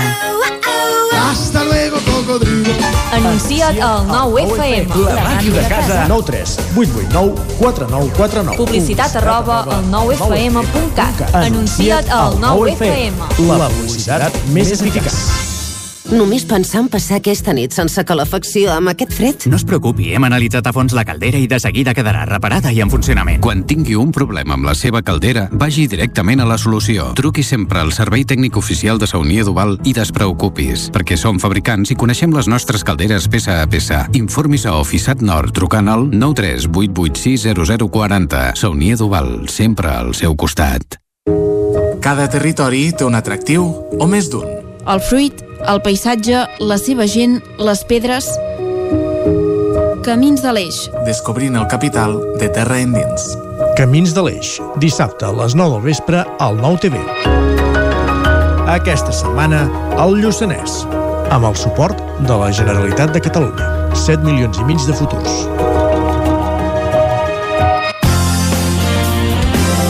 El 9 FM, la ràdio de casa, al 92.8.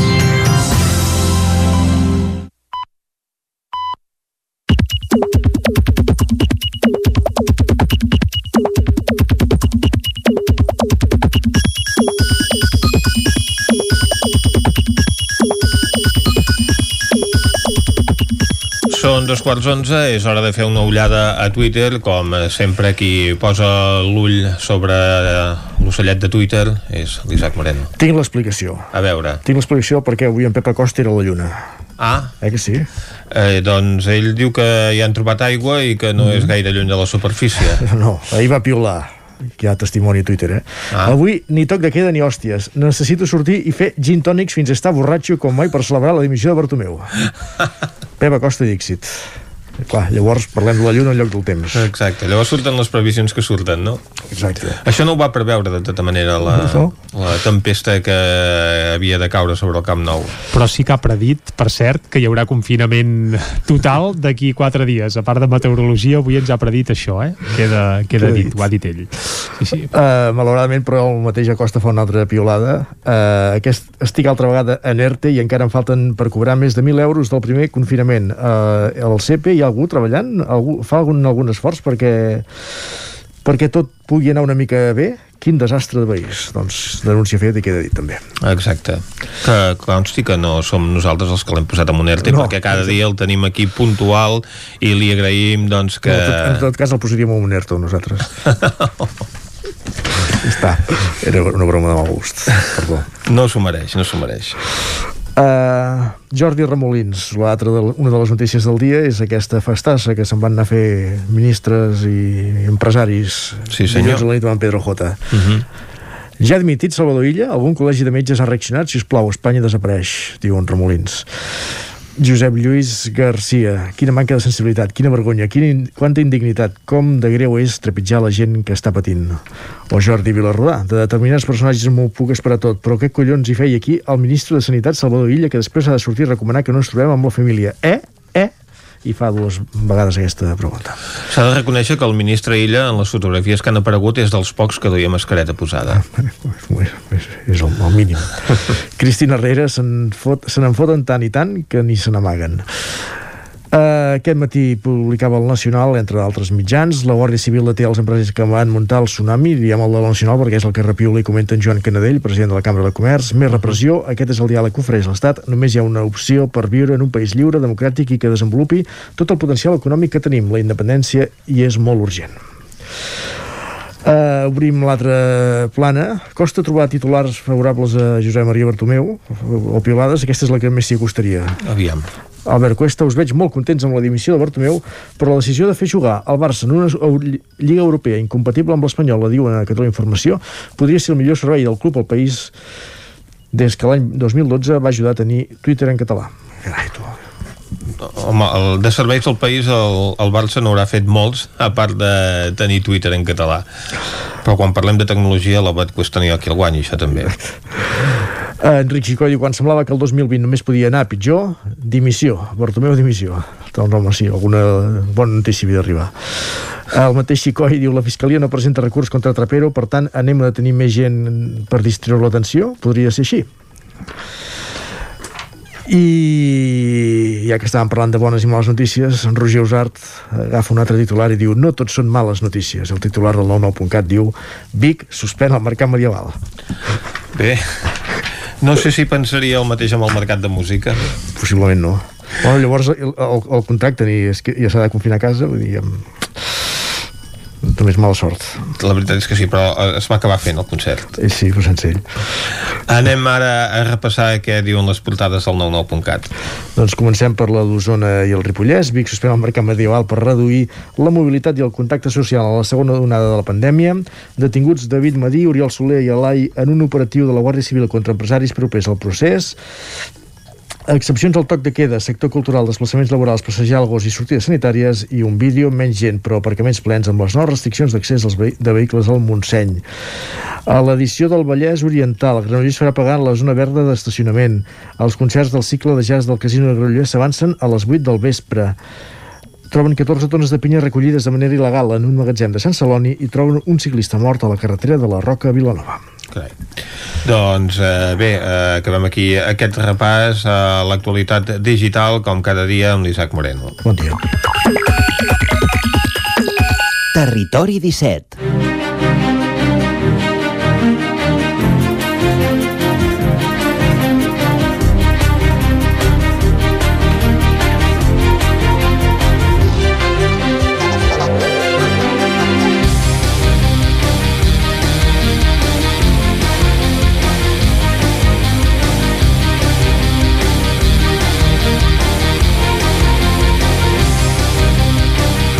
És hora de la taula de redacció.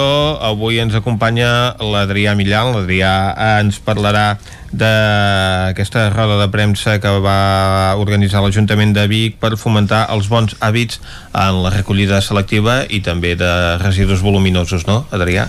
Exacte, sí, a l'Ajuntament hi ha aquesta preocupació no, d'aquests desbordaments que hi ha en els contenidors, uh -huh. també de que hi ha molta gent que no fa la selecció correcta, de fet, allà on es va fer la, la roda de premsa al carrer, a la cruïlla de l'Avinguda dels Països Catalans i del carrer del Remei uh -huh. es podien veure alguns contenidors on la selecció no estava bé feta i també vam poder veure en directe com s'explicava, no? com aquests informadors, aquests agents cívics explicaven a alguns ciutadans de Vic que anaven uh -huh. als contenidors a, a tirar les escombraries uh -huh. i llavors també hi ha un pla de comunicació no? per, per aquestes accions que és que la gent que ho fa bé se, se li posa una etiqueta verda perquè la gent pugui veure que allò està ben fet uh -huh. i quan es veu una acció que està mal feta se li posa una etiqueta vermella a la qual posa que, que no està ben fet i en el cas d'enxampar algú doncs bé, uh -huh. s'adverteix però també es pot sancionar Uh -huh. Aquesta eh, campanya que es va fer, o aquest acte que es va fer al barri del Remei, en qualsevol cas estem parlant d'una problemàtica que afecta el conjunt de la ciutat. Exacte, afecta el conjunt de, de la ciutat i comentaven que no era només un tema d'ecologia, sinó també un tema econòmic, no? perquè suposa un gran gas per l'Ajuntament el fet d'haver de fer aquesta selecció no, un cop està mal feta, d'haver-la de, de fer per part de, de l'Ajuntament uh -huh. i també feia una crida per això, no? que això també podria implicar una pujada d'impostos, podria implicar aquesta pujada del cànon també i, i ens explicaven no, que el 2019 hi havia hagut un cost de 1,8 milions per culpa d'això, llavors és un, un gas que es va acumulant uh -huh. i que, bé, amb una petita acció per part de cada ciutadà, no?, de, de fer bé aquesta selecció, doncs es pot ajudar tant a nivell ecològic com a nivell econòmic i llavors un altre fet en el que van incidir molt també és en el tema de, dels mobles, d'aquestes andròmines, no? de la gent que les abandona i van advertir de que de, de bé que millor trucar no? que, que aquest punt de recollida i que, que els puguin recollir i no de deixar-les abandonades ja als mm. contenidors que, que fins i tot van donar la dada de que un 60% de, de mobles eren recollits de contenidors i de, de, de no fer bé aquesta selecció també van, van posar molt èmfasi en això també. Mm. Quin és el procediment doncs, que ha d'utilitzar la, la gent de Vic en el cas doncs, que tinguin això que s'hagin de desprendre d'algun residu voluminós o algun, algun moble? Quin és el, el procediment que han de seguir? Sí, ells consideren que, que el procediment que s'ha de fer, el, el positiu, és trucar aquest número que tenen ells, no? que es pot trobar a la pàgina web de l'Ajuntament, per exemple, i que uh -huh. també el podem veure fins i tot en alguns contenidors de, de la ciutat, també hi és aquest, aquest cartell amb el número, llavors seria això, eh, trucar aquest número i que, que fessin la, la recollida aquí per toca fer-ho i no anar-ho a llançar als contenidors, uh -huh. que, que això suposa un, un gasto i a, i a part també no queda bé estèticament no? anar pel carrer i veure aquests desbordaments, veure aquestes escombraries per fora dels contenidors. Mm, aquesta és una problemàtica que ja fa temps que hi està incidint l'Ajuntament i que pel que sembla doncs, ha, ha anat a més. No sé si té alguna cosa a veure el fet de que la gent doncs, passi el confinament a casa i aprofiti aleshores doncs, per fer eh, algunes activitats, algunes neteges de, del propi habitatge no? que en altres condicions potser no, no es duria a terme. Sí, segurament això és algo que, que suma, no? De fet, això no, no, no van comentar a la roda de premsa, però sí que és uh mhm. -huh. veritat que és algo que, que es va parlar, no? El fet de que això de molta gent ara amb el confinament doncs aprofita per fer neteja, aprofita per fer segons quines activitats uh -huh. i llavors eh, això també se suma no? que hi hagi un augment dels residus que precisament l'objectiu que tenen ells és de reduir aquesta generació de residus uh -huh. i van posar fins i tot una xifra que és el 10%, reduir el 10% d'aquesta generació de, de residus i reduir aquest 1,4 que eren de, de quilos de residu per, per cada habitant de Vic, que és, és la xifra actual. Mm -hmm. Efectivament, aquesta és una, una qüestió que l'Ajuntament de Vic també s'està eh, plantejant, no? la millora en el sistema de recollida de les deixalles, la d'implementar doncs, algun sistema porta a porta, o en aquests moments doncs, s'estan doncs, estudiant diferents alternatives per reduir aquest volum de deixalles i poder aconseguir el màxim aprofitament no? del que la, la gent llença cada dia. Sí, el regidor de Medi Ambient, l'Albert Castells, ho va comentar, no? que aquest sistema porta a porta està funcionant bé a tres municipis, ja, ja hi ha uns quants de municipis que el tenen aquí a Osona, uh -huh. hi han fins a set municipis ara que estan pendents, no? l'últim que va incorporar va ser Masies de Roda, amb, uh -huh. amb aquest projecte de, de cost amb l'universitat, i sí que, que és un sistema doncs, del qual se'n parla i segurament seria un afegit no? aquest projecte de, sumat al, de sumat al zero que, que té l'Ajuntament de Vic que veiem que cada vegada doncs, va, va escollint més aquest camí d'anar a una ciutat més sostenible, no? més, més ecològica i bateant també per, per al medi ambient. Mm -hmm. Que és el que fa l'Ajuntament doncs, eh, pròpiament a nivell intern també, reduir les deixalles que genera doncs, el funcionament de l'administració també. Sí, exacte. De fet, cada vegada anem veient més iniciatives encaminades en aquest camí uh -huh. de diferents àmbits, en diferents sentits, però sempre caminant no, cap a aquesta ciutat més sostenible uh -huh. i també doncs, amb aquest afegit que, que comentaven a la roda de premsa tant la tècnica com el regidor de que a part de per un tema ecològic a nivell econòmic també és molt més sostenible no? doncs, caminar cap a, cap a aquest sentit Exacte, iniciar o afegir-se també el camí que van iniciar just ara fa 20 anys els municipis de la Mancomunitat La Plana que començant per Tona i anar-se extenent a la resta doncs, de municipis que engloba aquesta Mancomunitat van començar a fer la recollida selectiva porta a porta per reduir el volum de deixalles que generen els veïns. Moltes gràcies gràcies, Adrià Millan, avui amb aquest comentari sobre aquesta problemàtica dels residus a Vic. Eh, completem aquesta taula de redacció. Territori 17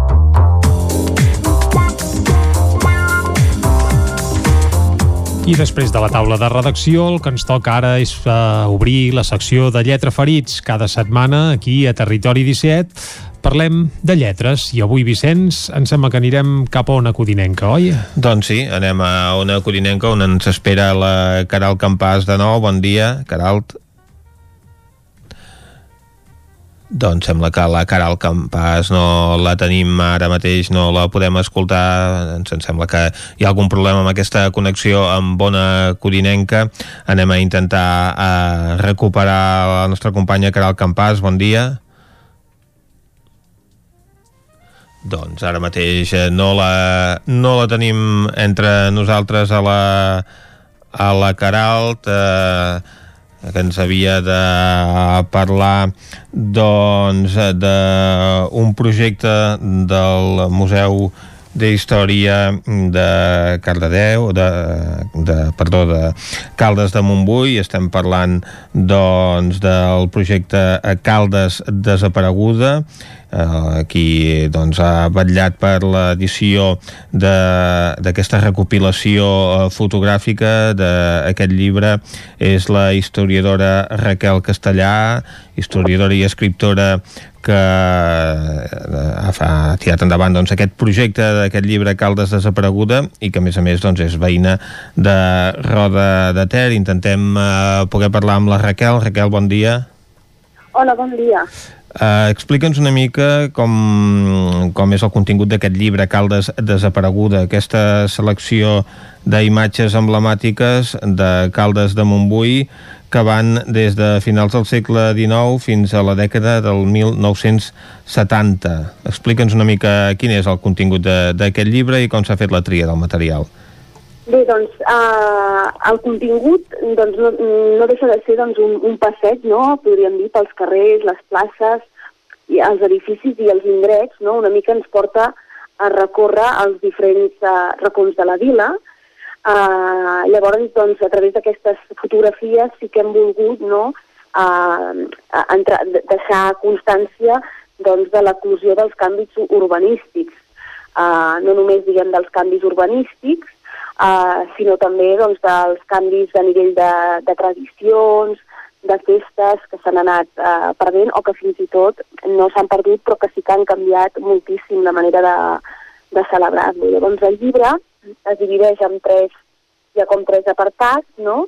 El primer apartat es refereix més doncs, al, al nucli urbà, podríem veure doncs, tots aquests, aquests canvis que us estava parlant, més físics. Uh -huh. Llavors el segon capítol eh, engloba tot el que seria més la, el tema de festa i sobretot la, la religiositat, no? Eh, ja, ja com és el santuari del Remei o Sant Sebastià i com ha canviat no? Mm, les festes eh, que s'hi han anat celebrant i, com a, i el tercer capítol eh, seria una mica el, tot el que fa referència a la, als entorns de la població, la rodalia, i amb això doncs, agafa doncs, des de la pagesia i una mica l'explotació del, del territori, uh -huh. dels boscos i, i, bueno, i, les, i com he comentat això de, de la pagesia. Uh -huh. ah, em sembla que hem pogut recuperar ara sí, la connexió amb la nostra companya Caral Campàs. Hola, sí, disculpeu-me. Doncs, eh, Caralt, endavant. Sí, mira, uh, en el llibre Caldes desapareguda mm, també s'intercalen diversos textos sobre aquells espais i moments uh, de Caldes. S'ha editat amb F2 i amb col·laboració de l'Ajuntament de Caldes i bé, altres autors també han editat llibres en aquesta línia en altres poblacions, com per exemple Cardedeu desapareguda o tu mateixa ets l'autora de Roda de Ter desapareguda. La col·lecció és Catalunya desapareguda. No sé si ens pots parlar d'aquest projecte més ampli. Sí, aquest projecte doncs, és un, un projecte que vol abastar una mica tots els, els diferents uh, municipis i el que es fa doncs, per, per, bueno, és això, no? que tal com indica el nom, és intentar doncs, recuperar el màxim d'imatges possibles de, de, de, de, diguem, doncs, de paisatges o de, del nucli urbans que han canviat molt o que, com diu uh, el títol de la col·lecció, han desaparegut perquè estem parlant tot, totes d'imatges en blanc i negre, uh, algunes doncs, de, de molt, realment molt antigues, vale? i llavors sempre s'intenta arribar doncs, fins als anys 60-70, més o menys. I de quina manera es va fer la recopilació del material?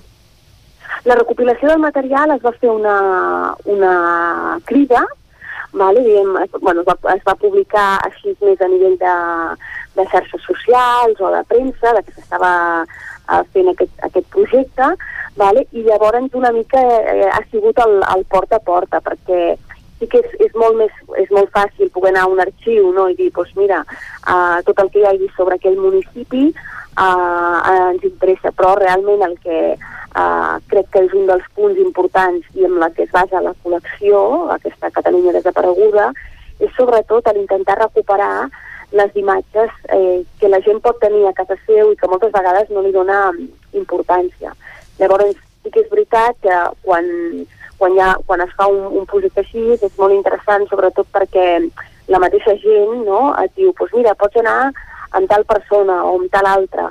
Llavors una mica, una mica també és això, el boc orella, no? i que, que la gent també es posi en contacte, i la veritat és que a Caldes hi ha hagut molta, moltíssima col·laboració amb això s'han recopilat eh, 8.000 imatges i clar, uh -huh. d'això s'ha hagut de fer una tria per poder fer uh, el llibre.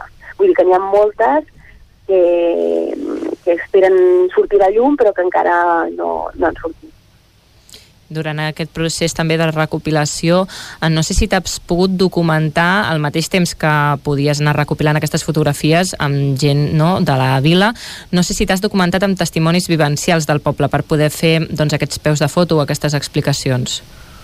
Sí, a totes, totes les imatges van amb els seus peus de foto llavors sí que el que s'ha fet és que cada vegada que, que es anava recopilant aquestes imatges també eh, es prenia el testimoni, no? s'agafava el testimoni de les persones i no només això, sinó a part del, del testimoni així més vivencial, eh, sobretot de les persones més grans de la vila, també s'ha anat a l'arxiu i a l'arxiu també doncs, una mica eh, s'ha fet una recerca per poder eh, vestir no, diguem, aquests, aquests peus de foto de, del llibre i aquests textos.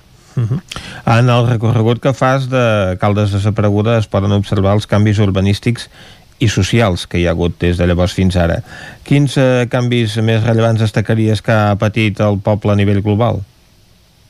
A nivell, bueno, a nivell global, jo, per exemple, sí que, que destacaria eh, bueno, els canvis urbanístics, que això, evidentment, és una cosa que es veu, es veu més, tot i així, per exemple, s'han continuat man mantenint eh, aspectes molt característics no? de, de Caldes, per exemple, el tema dels carrers de, de Llambordes, mm -hmm. és veritat que a molts municipis hi pot ser, però a Caldes té una importància afegida, perquè hi havia la, la pedrera, d'on pràcticament mm -hmm. sortien eh, totes les llambordes per empedrar tots els carrers de, de Catalunya, i no només de Catalunya, sinó que, que, que s'ha trobat documentació que fins i tot anaven a, a fora, no?, a aquestes llambordes, doncs això, per exemple, és un, un aspecte que encara es conserva a la població, eh, no a tots els carrers, però sí que a molts, que crec que mm, és un aspecte interessant, perquè moltes persones de la vila tenen els seus orígens eh, laborals, no podríem dir, en la pedrera aquesta de, del foment. Uh, aquest, per exemple, és un cas. I llavors, sobretot, el que es nota més són en les festes, a nivell, a nivell de les festivitats i de les relacions socials, doncs tot el tema de les processons que, que hi havia, tot això realment ha canviat molt. Tot i que, per exemple, sí que es manté uh, les catifes de flors, que això és una cosa que, que també ens ajuda no, a vincular-ho amb aquest passat, que és una cosa que ve d'anys enrere i que se segueix uh, mantenint. Uh -huh. Al llibre hi ha moltes fotografies de llocs emblemàtics que, com bé ara estàs explicant, s'acompanyen de textos on es descriu el context històric de la imatge. Uh, no sé si en pots uh, parlar-nos d'alguna destacable o impactant que parli d'algun moment uh, que visqués Caldes així, mm, bé, impactant. Mira, per exemple, una mica una de les imatges que, que m'agrada molt i que crida molt l'atenció és una imatge de la trobada del sometent de Caldes, que a més a més és una imatge que van tots amb el fusell davant de l'ermita del Remei, i és una, una imatge així com bastant impactant, perquè bueno, jo crec que, que realment s'ha de veure, no? perquè les, les cares d'aquests senyors, tots amb el fusell, eh, tots en grup, aquesta és, és força, força interessant. Llavors, mm, una que, que també jo crec que, bueno, que és així a nivell mm, històric també és important és la visita d'Alfons XIII a la Torre Marimón, que també és una, una imatge que és poc coneguda, no?, i que no deixa de sorprendre, no?, que, que vingués a fer, una, a, fer la, a fer una visita. O, per exemple, també hi ha una altra que és interessant, que és l'assistència de, de Primo de Rivera eh, l'any 22 en un acte de, que condecoraven els membres del sometent de Caldes. És una imatge que està justament davant de l'església i després també eh, amb un àpat que es va fer eh, en un dels balnearis on també hi havia Miguel Primo de Rivera i que aquesta, vulguis o no, pues, eh, eh, sorprèn, no? Eh, ens sorprèn més perquè bueno, són personatges així més coneguts i sorprèn eh, o pot cridar més l'atenció. Uh -huh. El contingut del llibre s'ha adaptat ara a una exposició que es pot visitar al Museu Termàlia de Caldes fins al 10 de gener. I ara mateix eh, està fet una, una exposició que, està, bueno, que es troba al Museu Termàlia i, bueno, bàsicament el, les imatges hem intentat que fossin eh, força les mateixes, no? Sí que s'ha incorporat alguna i els peus de foto també. Sempre, o sempre en alguns peus de fotos s'ha incorporat informació a través de, de la recerca o ens han arribat noves notícies, llavors sí que això també ho hem incorporat en l'exposició. -huh. A banda de Caldes desapareguda, ets autora del llibre molt premiat en diverses ocasions, Còdul dret, vida d'una colònia industrial, publicat l'any 2006 en col·laboració amb l'Ajuntament de les Masies de Roda, i també del llibre La vida a pagès, imatges i testimonis de vida quotidiana. Podríem dir que t'has especialitzat en aquest tipus de llibres fotogràfics? Bé, uh, sí que eh, és veritat que bueno, la, la, la fotografia pues, és un, un, una cosa que sempre m'ha agradat molt, no? m'ha captivat molt, i llavors sí que he, he realitzat mm, bueno, més, més de bastants llibres en aquest, en aquest sentit, perquè bueno, uh -huh. penso que, que realment el que hi ha a l'arxiu, no, el material aquest fotogràfic d'arxiu està molt bé, però també hi ha tot un altre material que és igual d'important, igual d'interessant i que a més a més és un reflex molt, molt clar de la societat, de la societat del moment i que aquest normalment ho tenen les persones de casa seu i moltes vegades eh, amb, té una caducitat perquè quan la gent mor molt material d'aquest acaba desapareixent o acaba als encants o qualsevol lloc o fins i tot a, a la grossa. Llavors, doncs, és un, un tema que realment m'interessa molt i, i per això una mica ja estic uh, batallant amb aquest tema. Uh -huh. Perquè podem dir que la fotografia pels historiadors i des del moment que va aparèixer es converteix en una font documental de primer ordre? Totalment, sí, sí, és una, és una font documental de primer ordre uh, i a més a més és una font claríssima i que a més a més els historiadors hi solem uh, recórrer de manera molt, molt freqüent. Uh -huh. Uh -huh i hi ha alguns altres uh, projectes que tinguis previstos en aquest marc doncs, de, de descobrir imatges del passat del territori català? Doncs uh, sí, ara mateix, uh, uh, juntament també amb l'editorial F2, doncs estem treballant amb un Catalunya desapareguda del Tiridabo, uh -huh. en mhm. aquest cas, del parc d'atraccions, i bueno, no només el parc d'atraccions, sinó uh, una mica també tot el que seria les rodalies de, del parc d'atraccions que bueno, és, un, és, és um, un dels més antics uh, a nivell de, de l'estat espanyol i, i realment hi ha, hi ha també molta, molta informació, molta documentació i llavors doncs, el que intentem aplegar una mica doncs, totes aquestes imatges i també donar-los un context i poder fer un, un text, evidentment, d'acord amb totes les, amb les imatges. Uh -huh. Perquè deu passar que hi ha moltes uh, famílies que tenen un arxiu fotogràfic que té un cert valor històric i que en canvi no se li dona i que corre el perill doncs, que aquesta documentació doncs, s'acabi doncs, fent malbé amb el pas del temps, no? Sí, realment això mm, passa molt, que a vegades hi ha famílies que tenen uh, allò que sempre ho han tingut a casa, doncs, per exemple, un conjunt de plaques de vidre o això, llavors què passa? Que eh, amb els anys a, a les plaques de vidre també tenen un, una caducitat, no? es fan malbé, llavors aquesta també és una manera de que ells eh, ens entreguin aquestes plaques de vidre, nosaltres ho escanegem, se'ls torna les plaques de vidre, se'ls dona a més a més uh, les, la, les imatges escanejades, no? Uh -huh. perquè d'aquesta manera les preservem uh, durant, durant uns anys més, almenys, i, i moltes vegades aquestes uh, plaques de vidre és que fins i tot la, les, no s'ho han ni mirat, llavors no saben ni el que hi ha, o pensen que no, no pot tenir el valor que, per exemple, un, una persona que s'ho mira des d'un punt de vista històric doncs eh, hi pot veure, perquè a vegades, eh, no sé, saben que són plaques de vidre doncs, del bateig o de la comunió d'un familiar, però eh, moltes vegades, és, a part de, de l'acte social que es veu, que això és, mm. és interessant, també el que es pot veure mm, moltes vegades de fons, a millor és una comunió i és una foto de carrer i es pot veure pues, tal carrer o tal edifici que ja no existeix. Llavors, mm -hmm. eh, tot això també uh, és interessant i moltes vegades um, quan ho parles amb ells, no? I llavors, ah, doncs mira, aquí surt això, això, deuen uh, la importància que, que té. Mm, i, fins i, pot, I fins i tot la pròpia indumentària. Sí, sí, totalment, fins i tot la pròpia indumentària que ja, ja sorprèn molt, no? Uh, pues com, com ha canviat tot, no només els actes socials, la indumentària uh, i el que evidentment es, es pot veure de, en, en les imatges. doncs ja sigui des d'edificis, carrers, etc. Raquel Castellà, autora d'aquesta eh, d'aquest volum de Caldes desapareguda, aquest recull fotogràfic de la història de Caldes de Montbui, gràcies per acompanyar-nos. A moltes gràcies a vosaltres. Gràcies també, Caral Campàs. Recordem que aquesta Caldes desapareguda no només doncs, és un recull fotogràfic en un volum, en un llibre, sinó que també s'ha convertit en una exposició que fins al 10 de gener es podrà visitar al Museu Termàlia de Caldes. Acabem aquí aquest Lletra Ferits eh, d'avui, arribant les 11 i la informació.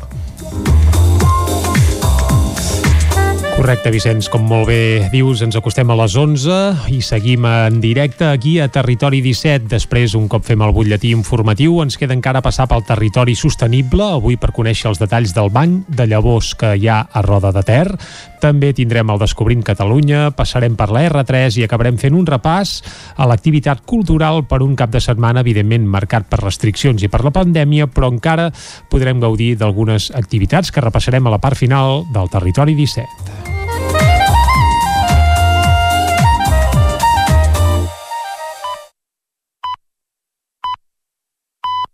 Són les 11. Territori 17, amb Vicenç Vigues i Jordi Sunyer. I a les 11 en punt torna la informació de les nostres comarques, les comarques del Ripollès, Osona, el Moianès i el Vallès Oriental. Una família de Manlleu porta 7 mesos confinada per evitar que el seu fill amb una malaltia rara es contagi de Covid. En Lluc pateix miopatia miotubular, una malaltia molt minoritària que afecta els músculs esquelètics que li impedeix caminar, parlar i respirar per si sol. Des que va néixer fa 7 anys, els seus pares pràcticament no se separen d'ell i gairebé no surten de casa. Un simple constipat el va fer acabar a l'UCI i ara, amb la Covid-19, fa 7 mesos que només trepitgen al carrer per anar al metge i a la farmàcia. La família viu a Manlleu. Segons els seus pares, com el d'en Lluc, només hi ha 3 casos a tot Catalunya i una quinzena a tot l'Estat. La patologia afecta els músculs esquelètics. Cognitivament, però, no causa afectació. Tot plegat comporta un elevat grau de dependència que, ja que no pot valdre's per ell mateix i necessita algú pendent d'ell les 24 hores. La mare està de baixa per poder-lo cuidar i el pare treballa des de casa. La família fa una crida a la responsabilitat, ja que asseguren hi ha una part important de la població poc conscienciada amb els riscos de la Covid-19.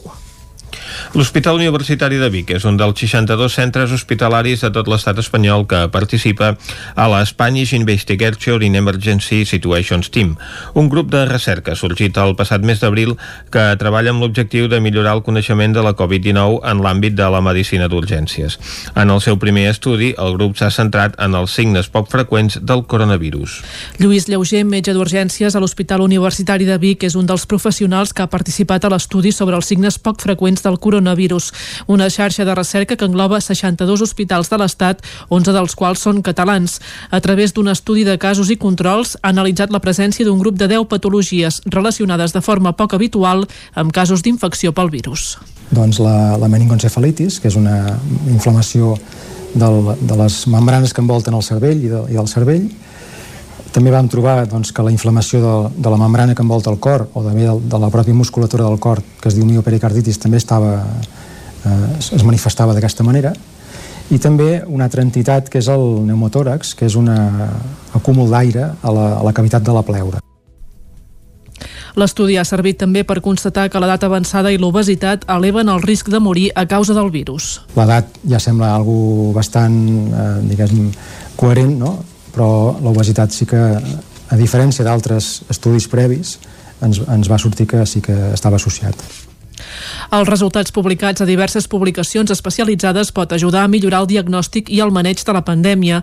Lleuger assegura que als serveis d'urgències dels hospitals catalans hi ha hagut un increment de l'activitat que pot arribar a tensionar la salut pública, com va passar durant l'estat d'alarma i estem assumint la, la càrrega de pacients greus mm, que podríem eh, arribar a comparar amb el que va passar en aquell moment, però tampoc és eh, la situació exactament la mateixa, sinó que gràcies a Déu hem tingut més mitjans els darrers setmanes al nostre abast. Lleuger considera que tractar les malalties no Covid de caire més emergent durant la segona onada de la pandèmia ha de ser per la sanitat pública un acte de responsabilitat. El president de la Unió Excursionista de Sant Joan demana opinions per saber si la creu del Taga s'ha de repintar de color blanc o mantenir-se groga. Isaac Muntades, des de la veu de Sant Joan. Ara fa uns dies el president de la Unió Excursionista de Sant Joan de les Abadeses, Martí Serra, va fer una publicació a Facebook on demanava l'opinió de tothom per saber de quin color havia de ser la creu del cim del Taga. Aquest símbol tan emblemàtic de la muntanya sempre havia estat de color blanc, però quan el 2017 es van empresonar els màxims dirigents polítics i socials de l'independentisme, algunes persones van decidir pintar-la de groc en suport als presos polítics. El manteniment de la creu va a càrrec de la Unió Excursionista de Sant Joan i al cap de tres mesos la van repintar de color blanc, però cada cop que ho feien tornava a aparèixer de color groc o fins i tot de vermell. Actualment està pintada de color groc. Serra, de només 25 anys, al·legava en aquesta publicació que ell és jove i tot i que té la intenció de repintar-la de blanc, volia escoltar el consell i l'opinió de tothom. A la publicació enumerava una sèrie d'opcions com són pintar-la de blanc, de negre, de lila per donar suport a les dones, treure-la un temps, retirar-la per sempre, pintar-la de tots els colors, arreglar-la o posar-hi un cartell demanant que no es pinti més. Serra va comentar que un dels darrers cops que va pujar-hi va veure vaques i corps molt a prop d'allà i que aquests animals podien menjar-se la pintura i suposar-los un problema. Podem escoltar les dues intencions que tenia Serra a l'hora de fer aquesta publicació. I la manera és aprendre consells de l'altra gent, crec que és escoltar l'altra gent, és molt guai, segur que algú et donarà un consell que dirà, hòstia, aquest potser funcionarà, o poder no. Jo crec que escoltar l'altra gent és molt bo. I vaig decidir posar aquest que em proporcionava la gent, a veure quins comentaris em proporcionava la gent i si em podia ajudar, d'alguna manera ajudar-me a mi. I per segon lloc, que és més amat i la meva intenció també era aquesta, i crec que no he llegit els comentaris, n'he llegit tres, i crec que va funcionar, algú ha funcionat, i era per conscienciar la gent que si la pinta groc, si la pinta vermell, si la pinta lila, no sé què, és per fer veure d'alguna manera aquesta gent que deixés de pintar-la d'una vegada i escoltés o mirés a l'altra gent què volia l'altra gent, de quin color la volia o com la volia. La publicació ha rebut més d'una vuitantena de comentaris i la gran majoria de persones van optar per pintar-la de color blanc, el seu color original. Algunes persones van apostar per treure-la per sempre, ja que creuen que a la muntanya no hi ha d'haver símbols de cap mena perquè són aliens de la natura o perquè és un símbol de caràcter religiós o senzillament la volien deixar del color del ciment. En tot cas, Serra va dir que la creu no ha de ser víctima d'una guerra política i que hi ha altres llocs per expressar-se. A més, va recordar a tothom que és molt pesat haver de repintar-la sovint, ja que en principi s'hauria de treure tota la pintura amb una polidora de gra, però és molt difícil de portar-la allà dalt dalt. Per aquest motiu la pinten per sobre amb brotxes i pintura blanca de carretera perquè aguanta molt més que la plàstica. De fet, per manteniment l'han de repintar un cop cada any o cada dos anys. Fa una setmana, l'agrupació de joves arquitectes de Catalunya atorgava el Premi Processos Participatius al projecte Repensem el pati del Pla Marcell, un projecte del col·lectiu RUSC. David Auladell, de Ràdio Televisió Cardedeu. L'Associació de Joves Arquitectes de Catalunya convoca cada dos anys els Premis a JAC amb l'objectiu de donar a conèixer la producció dels arquitectes joves menors de 40 anys, recolzant així la seva projecció a través d'activitats com exposicions, conferències i publicacions. El premi es dona per a obres, projectes i treballs d'investigació realitzats en l'últim any. El projecte Repensem el pati del Pla Marcell del col·lectiu RUSC ha estat el guanyador del Premi Processos Participatius d'aquesta edició, un reconeixement que ha posat de manifest la importància que ha tingut per l'Institut que la remodelació del seu espai de pati hagi estat pensat i executat tant pels arquitectes del col·lectiu com pels alumnes, famílies i docents del centre. Roger Escoriguela era un dels membres del col·lectiu d'arquitectes guanyadors del Premi i, a més, un exalumne del mateix institut. El que era molt important en aquest sentit era fer que els alumnes formessin part d'aquest procés i no només formessin part definint què volien fer o què havia d'haver-hi en el pati o com havia de ser aquest pati, sinó també construint-lo, no? I aleshores es van generar també activitats de, de muntatge, eh, es van fer tallers per, per, per bueno, aquests tallers de, de muntatge al final el, a l'Aixopluc i tot, totes aquestes intervencions les van construir ells també, no? sota la nostra tutela, però però ho van acabar construint ells, no? I, i això era la intenció, no? fer-los partíceps d'això. Vam, vam, vam trobar una, unes jerarquies dins del pati, unes jerarquies gairebé de, bueno, de grup, no? Ter territorial, sí, gairebé com... Bueno, aquesta zona només la trepitgen pues, els de quart, els de tercer i d'això, i aquí només es juga a futbol, o aquí estan... Però fins i tot vam arribar a trobar espais, eh, espais delimitats d'un banc, dos bancs.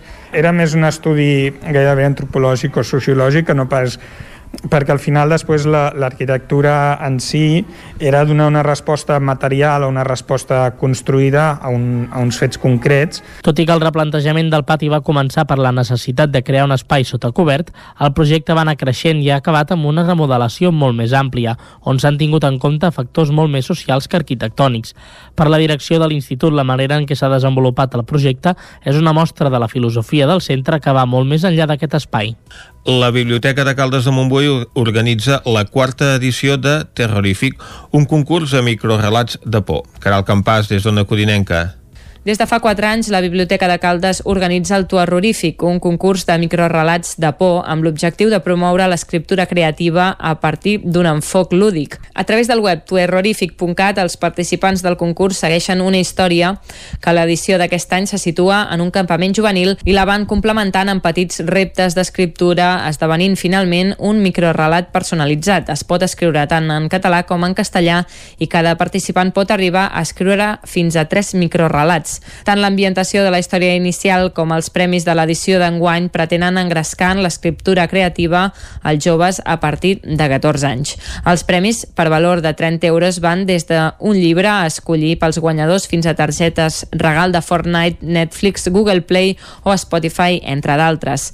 Pot participar al concurs qualsevol persona de 14 anys o més fins al 16 de novembre i els guanyadors s'anunciaran a les xarxes socials el dilluns 23 de novembre. Vic suspèn el mercat medieval per reduir la mobilitat i el contacte social en la segona onada de la pandèmia.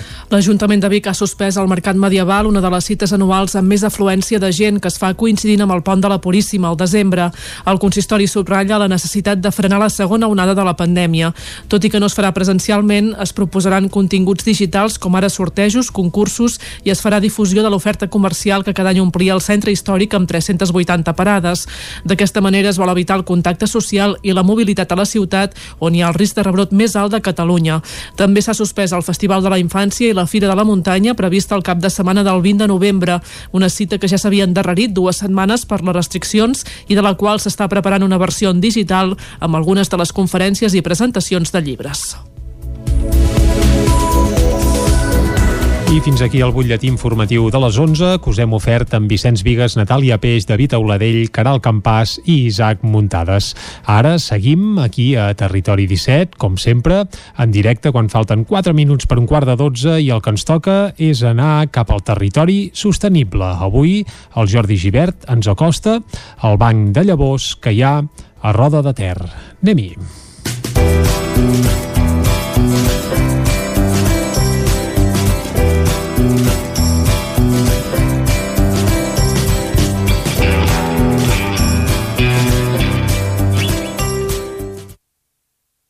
Avui ens hem acostat fins a Roda de Ter per parlar del Banc de Llavors, conèixer bé aquest projecte i per això tenim amb nosaltres en Pere Bosch, eh, ell forma part del Banc de Llavors d'aquí a Roda de Ter. Hola, Pere. Hola, bona tarda. Hola, uh, uh, hola bones, què tal? Bé, Pere, uh, explica'ns, uh, abans d'entrar de, en, què, en què és la labor que feu des del Banc de Llavors, explica'ns com, com surt la, la iniciativa de, de fer-lo aquí a Roda de Ter.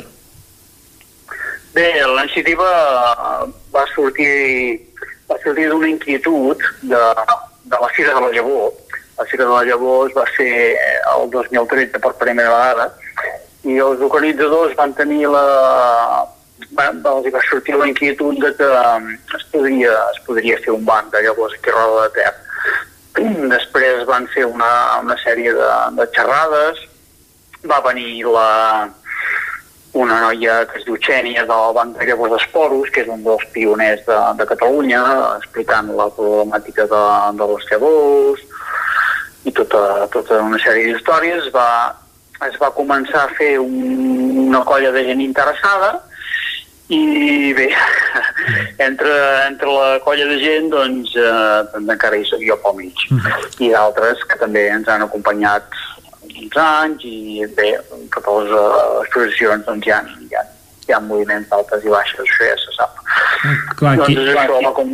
Sí, perdó. Qui, quina, quines són aquestes problemàtiques de, de les llavors que, que us porten a, a crear aquest, aquest banc per, per conservar-les i poder-les uh, replantar? Sí, bé, hi ha moltes, hi ha molta, hi ha moltes problemàtiques.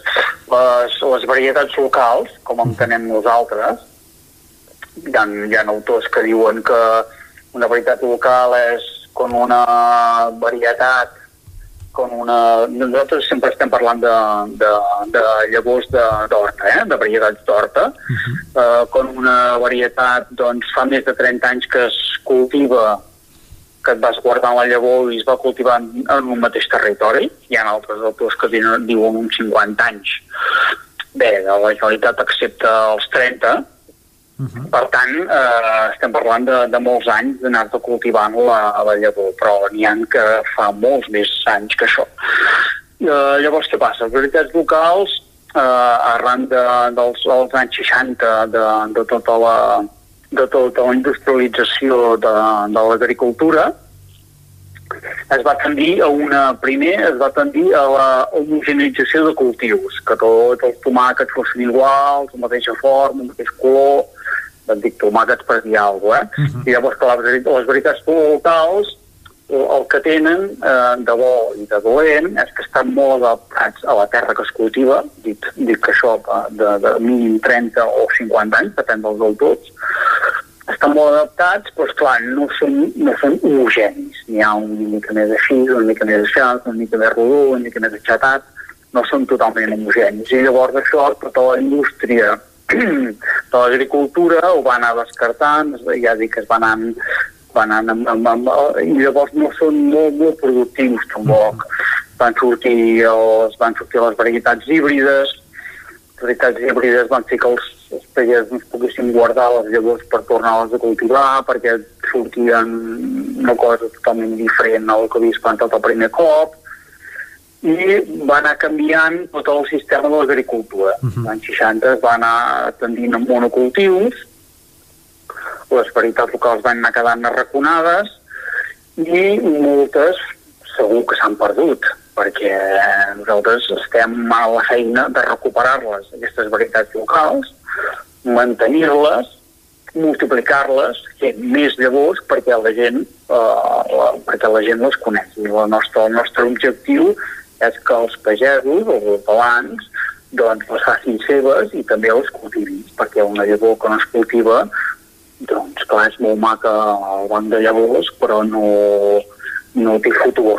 No té futur. Nosaltres el nostre objectiu és que els pagesos, els hortelans, que en viuen d'això, venguin les varietats tradicionals al mercat, en facin cistelles, que ja n'hi ha que ho fan, ja, ja tenim alguns productors com Horta Terrés, que tenen mercat de Vic, tenen alguns productes que són, són llavors nostres, el Cercell també ens ha vengut, uh, un, un senyor que es diu l'Antonino, que fa cistelles, també ens ha, ens ha, ens ha cultivat tomàquets aquesta temporada, i bé, estem, estem, estem en això, la problemàtica dels llavors és això, que durant molts anys es van deixar de cultivar, hi ha hagut una, una erosió genètica que es diu, eh, un empobriment de tot el cultiu que s'ha anat, eh, que anat cultivant i, ha desembocat en aquest, aquest monocultiu i en, aquesta, en aquest cultiu ferotge de, de, de, que portem ara d'industrialització de, del camp, que és només,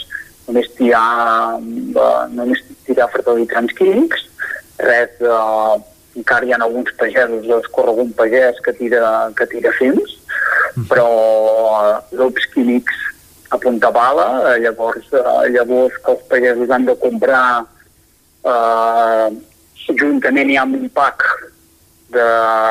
d'herbicides i de, de, de insecticides, tota mena de cides, uh -huh. uh, que, que, que ja van associats amb, el, amb, el, amb la llavor i llavors clar, estan, estan, clar, estan, uh, estan enganxats amb això. Es va... Nosaltres el que volem és que, és que els pagesos tornin a guardar les seves llavors i es tornin a sembrar les seves llavors. Mm. La, la, tasca, la tasca que feu vosaltres d'anar recuperant aqu aquestes llavors uh, i després poder-les cedir als pagesos, com, mm. com la feu? Uh, com, com us organitzeu? Bé, uh, aquesta tasca se'n diu prospecció. Nosaltres no la fem prou com ens agradaria, perquè hi ha molta feina hi ha molta despesa de diners, eh, caldrien subvencions específiques per això, perquè algú s'hi pogués dedicar.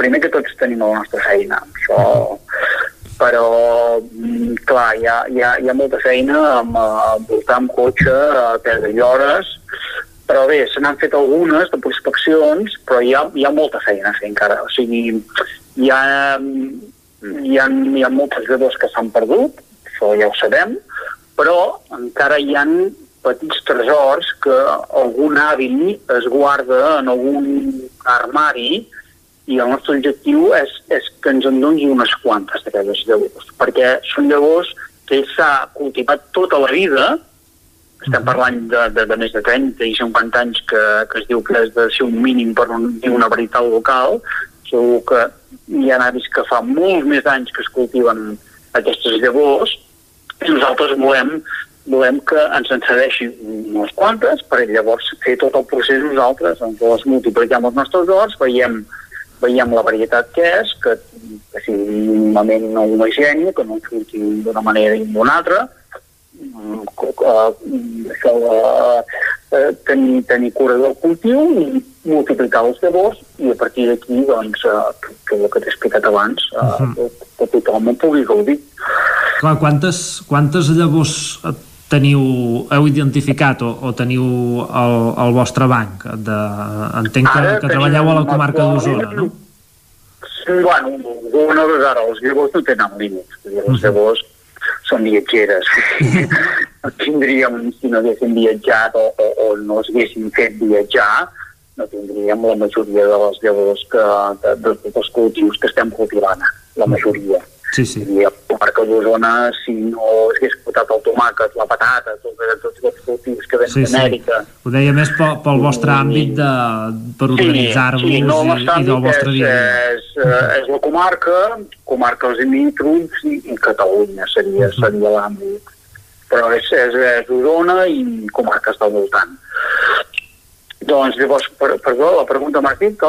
Que, qua, que, uh, quanta, quantes llavors d'aquestes ah, sí, varietats sí. I ara, ara actualment tenim, tenim una base de dades, eh, nosaltres tenim una base de dades que ja entrem totes les, les llavors per tenir-ho, fiquem un número al pot per tenir-ho identificat i les tenim, les tenim allà en una caseta, la caseta del Pou, que es diu, que ens va seguir l'Ajuntament, que és un lloc molt fresc, i caldria una mica més d'infraestructura, eh, ho deixo aquí perquè l'Ajuntament ja ho sap, però per conservar les llavors necessitem una mica més de fred, l'estiu encara hi fa una mica massa de calor, caldria alguna cambra frigorífica o algun, algun artilugi perquè ens mantingués les llavors una mica més fresques, perquè com més fresc, com més fred estan les llavors, doncs eh, menys perd el, el poder de germinació que en diem nosaltres, que és, eh, per exemple, una llavor contra la guardes i la deixes a temperatura ambient, una llavor de tomàquet al cap de 4, 5, 6 anys,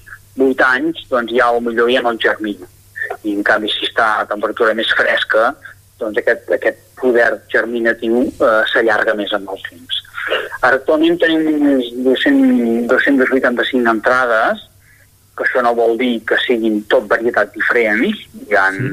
hi ha potser una cinquantena de, de tomàquets, hi ha de, de carbasses igual, però clar, tot, tot són varietats que clar, són diferents, són, són diferenciades. Uh -huh. Podem dir que i, i, i tenim ara actualment unes 285 entrades, tenim aproximadament, uh, que són moltes més, perquè, clar, uh, com, com ja t'he explicat, hi ha molta feina uh -huh. a fer i, clar, aquí hi ha molta feina a entrar dades encara, perquè hi ha molts pots allà per entrar. Igual estem parlant de més de 300 ara som.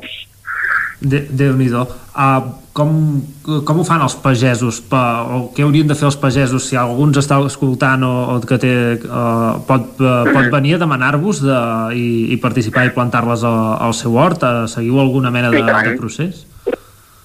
I tant, no, no. Uh, uh, bé, sí, hi ha, una, hi ha un, una, un correu electrònic, ha, bueno, nosaltres tenim Instagram, tenim Facebook, tenim pàgina web, vull dir que per, per contactar amb nosaltres és molt fàcil, hi ha molta gent que entra a la pàgina web i, i també un correu electrònic que ja hi ha, hi ha un contacte, vull dir que ens, ens arriba directament al nostre correu electrònic. Hi ha moltes maneres de contactar amb nosaltres. I per sort hi ha molta gent interessada, hi ha molta gent, hi ha molta gent, hi ha bastanta gent que ens ve a buscar llavors i, i ja dic, amb els, amb els, amb els professionals inclús eh, doncs, tenim bastanta, bastanta deferència eh, en el sentit de que, de que els hi posem molt fàcil perquè, perquè ens plantin els nostres llavors eh, cedim, cedim tomaqueres i eh, el cost zero pràcticament perquè ells plantar, ells puguin, puguin tenir el fruit el fruit d'aquestes veritats locals i realment donar-les a conèixer al, al gran públic. I, I, i també és una, és una manera de, de que també us arribin més llavors a vosaltres, suposo.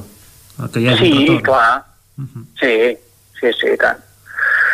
Doncs uh, molta, moltes gràcies, Pere, per, per, uh, per atendre'ns i per donar a conèixer una mica la vostra feina uh, que feu des de, des de Roda de Ter i, i ja ho Bé. saben la gent que, que ens està escoltant, que es poden posar en contacte amb vosaltres si, si volen fer servir algunes llavors pe- pels horts que tinguin a, a casa o, o els que pagesos professionals si, si, si volen també dedicar. I tant, i tant, i tant. Moltes gràcies per, per l'interès i nosaltres estem oberts a, a tota mena de a tota mena de persones, eh, tant siguin particulars com professionals que vulguin, que vulguin les nostres llavors. Hi ha bastant, bastant d'interès en, en aquesta qüestió. L'intercanvi a petits, a petits hortelans, vull dir, nosaltres funcionem eh, amb intercanvi, pensem que les llavors eh, no valen res, no, no així a petits, a petits hortelans no, que si tu guardes les, les llavors sempre en tens de sobres, no és impossible que et plantis totes les llavors que guardes, llavors clar, l'excedent doncs el portes al banc perquè hi ha una persona que li interessi se'n pugui aprofitar d'aquestes llavors. I llavors, clar, nosaltres també hauríem de tenir un retorn d'aquestes llavors. Per tant, a l'intercanvi, nosaltres creiem en l'intercanvi, nosaltres creiem que les llavors no han de valer res. Llavors, una altra cosa és que es vulguin fer un donatiu pel banc o tot el que vulguis, però no, no hi posem preu, nosaltres les llavors. No venem sobres de, que valen 2-3 euros el sobre, no. Per nosaltres l'intercanvi és molt important. I llavors també donar a conèixer que estem, uh, estem molt il·lusionats ara amb un uh, projecte que l'Ajuntament de Roda de Ter el Consell Comarcal i la Diputació doncs, estan molt involucrats, que, que segurament esperem que sigui realitat començament de l'any que ve, és un, uh, un hivernacle, un hivernacle que fa molt temps que estem demanant per poder fer planter i servir planter també a, a, gent que, que vulgui. Vull dir, hi ha molta, molta, molta gent interessada uh, les tomaqueres del banc, sobretot, hi ha molt d'interès per la Fira de la Llavor, que és per l'abril, que aquest any no es va poder fer, mm, arribem a, a, a vendre molt de planter, i doncs llavors aquest seria també un lloc per, per, de, de trobada i Doncs us tornarem a, a venir a veure quan estigui avançat més a, a aquest projecte del, del planter. Perfecte. I, Molt bé. i Molt bé. seguirem en contacte. Moltes gràcies.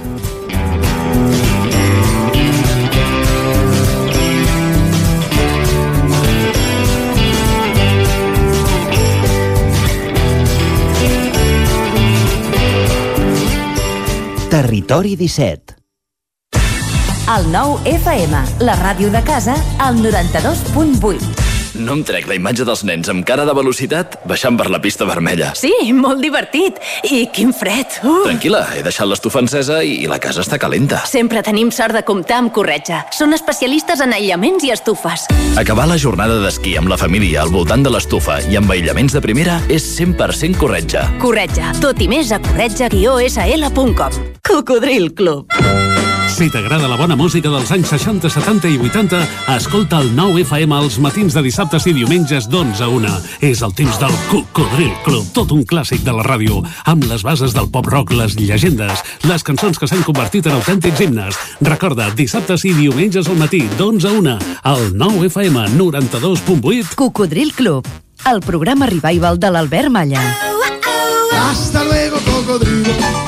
Cobertes serveis funeraris. Els nostres tanatoris estan ubicats en els nuclis urbans més poblats de la comarca d'Osona per oferir un millor servei. Tanatori de Vic, Tanatori de Manlleu, Tanatori de Centelles i Tanatori de Roda de Ter. Sabem que són moments difícils i per això el nostre compromís és atendre-us en tot moment amb un tracte humà, sensible i respectuós. Cobertes serveis funeraris. Telèfon 24 hores 93 883 23 46.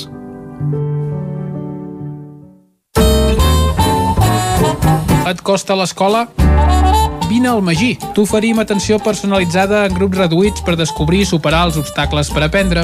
Treballarem l'organització, les tècniques d'estudi i diferents estratègies en nivell emocional per encarar les dificultats. Som a Vic, al carrer Bisbe Morgades 12, telèfon 693 75 05 07 o també ens pots visitar al magi.cat. Inscripcions obertes. Pintures Xevi Soler. Tot en pintures. Façanes, obra nova, rehabilitacions interiors de vivenda, estucs, microciments, pintura industrial, motllures, terres vinílics... Pintures Xevi Soler. Ens agrada assessorar-vos i fer de casa vostra el millor lloc del món. Ens trobareu a Manlleu, al carrer Sogorb 113, telèfon 616 15 87 33 o 93 851 3504. Cada territori té un atractiu, o més d'un. El fruit, el paisatge, la seva gent, les pedres... Camins de l'Eix. Descobrint el capital de terra endins.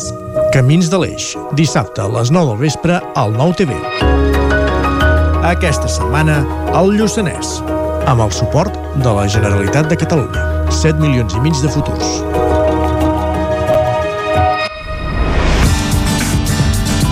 El nou FM.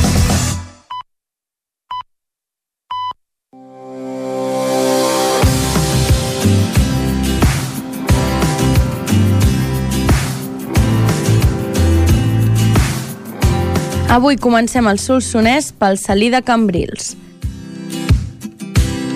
El Salí de Cambrils és una de les poques salines de muntanya de tot Catalunya i després d'una espectacular rehabilitació de més de dos anys se'n pot visitar les terrasses, els quatre molins, les canalitzacions de fusta amb estalactites de sal i els mitjans de transport. L'existència de la font salada va permetre a finals del segle passat la construcció de les salines de Cambrils. El salí, des d'una perspectiva històrica, és un exemple de l'activitat productiva desenvolupada a la muntanya. Antigament en aquest mateix lloc i a causa de l'existència de les salines es van construir altres molins aprofitant el desnivell del riu. El caràcter autosuficient de l'explotació queda reflectit en l'enginyós sistema de molins que portava incorporat. Visitant l'antiga explotació de sal de muntanya podreu conèixer l'enginyós sistema d'aprofitament d'aigua dolça i d'aigua salada. I seguim amb el conjunt monumental de Sant Esteve d'Olius. L'església de Sant Esteve d'Olius és un exemplar del romànic llombard consagrat l'any 1079 a petició del comte d'Urgell i dels habitants del lloc. L'altar de dalt està dedicat a Sant Esteve i el de la cripta al Sant Sepulcre. Consta d'una sola nau coberta amb volta de canó. El campanar de planta quadrada té quatre finestres en arc de mig punt. Sota seu s'obre una motllura amb espitlleres. Sota l'altar cal destacar la cripta que forma un espai rectangular amb sis columnes, totes diferents, que s'obren en forma de palmera, aguanten arcs de mig punt i voltes d'aresta i donen a l'estança una bellesa extraordinària. Aquesta cripta ha donat fama a Olius i és molt valorada dins l'art romànic mundial. L'accés és per una escala central, tot i que a banda i banda d'aquesta escala encara es conserven els accessos primitius amb cinc graons. A poca distància de l'església hi trobem el cementiri modernista d'Olius, que crida l'atenció perquè fuig de l'esquema acostumat dels altres cementiris. És un espai que combina les roques caigudes de la muntanya, símbol del decaïment, i de la mort, amb fulles d'alzines sempre verdes, símbol de vida. Mort i vida en un cementiri cristià. És obra de l'arquitecte Bernardí Martorell, que va rebre la influència modernista de Gaudí. Es va inaugurar l'any 1915 i és un model de fantasia i novetat dins l'art funerari modernista, ja que a Catalunya es poden trobar panteons modernistes, però com a cementiri és únic. A l'entorn de l'església es poden visitar unes sitges ibèriques d'uns 300 anys abans de Cris, amb la novetat que no eren uns forats sols per guardar gras, sinó que la seva gran quantitat hi ha unes 150 sitges, fa pensar que era un gran comerç de gra.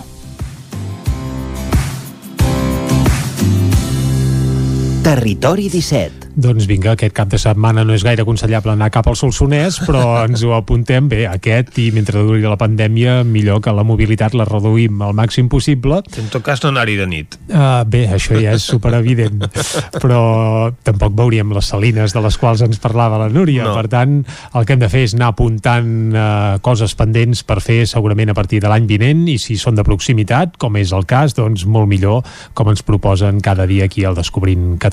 Sense massificació massificacions, això sí, no fem com el Montseny. Correcte. Home, el Solsonès Bé, no, no, no Massificacions sé, jo, no n'hi ha. Jo no n'hi no he vist gaires. Vaig estar fa poc al zoo dels Pirineus, molt aconsellable sobre mhm. Solsona, mm -hmm. i la veritat és que val molt la pena, i érem quatre gats, i en tot l'entorn pràcticament diria que també. Doncs quin zoo, no? Uh, bé, molt polit.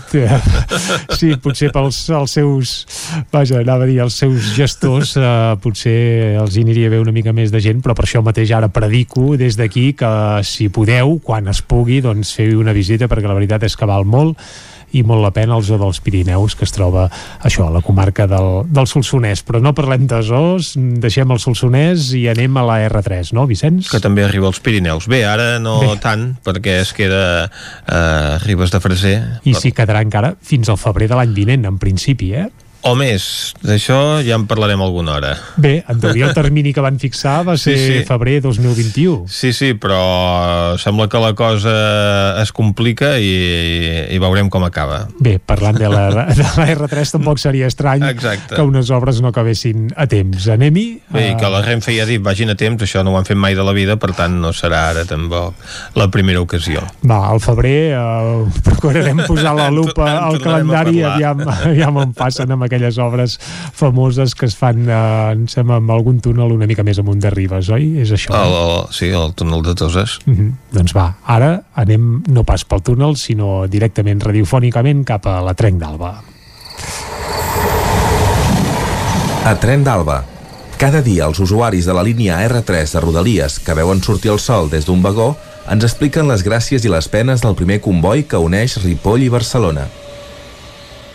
Benvinguts a Tren d'Alba. Doncs avui us porto una piulada de denúncia d'un usuari que es queixava de que Renfe permetés fumar a les andanes descobertes i a sobre en plena pandèmia en què si fumes, evidentment, no pots portar la mascareta posada a l'hora. Em penso que sí que està prohibit, però en tot cas no ho deuen vigilar prou. Ah, i un altre usuari deia que a la parada de Clot Aragó es fumaven substàncies il·legals. En fi, almenys Renfe ha preguntat a quina andana s'havia produït la primera infracció. Va, us deixo ja amb la Núria perquè ens expliqui com li ha anat el dia. Bon dia des de l'R3 bones. Com esteu?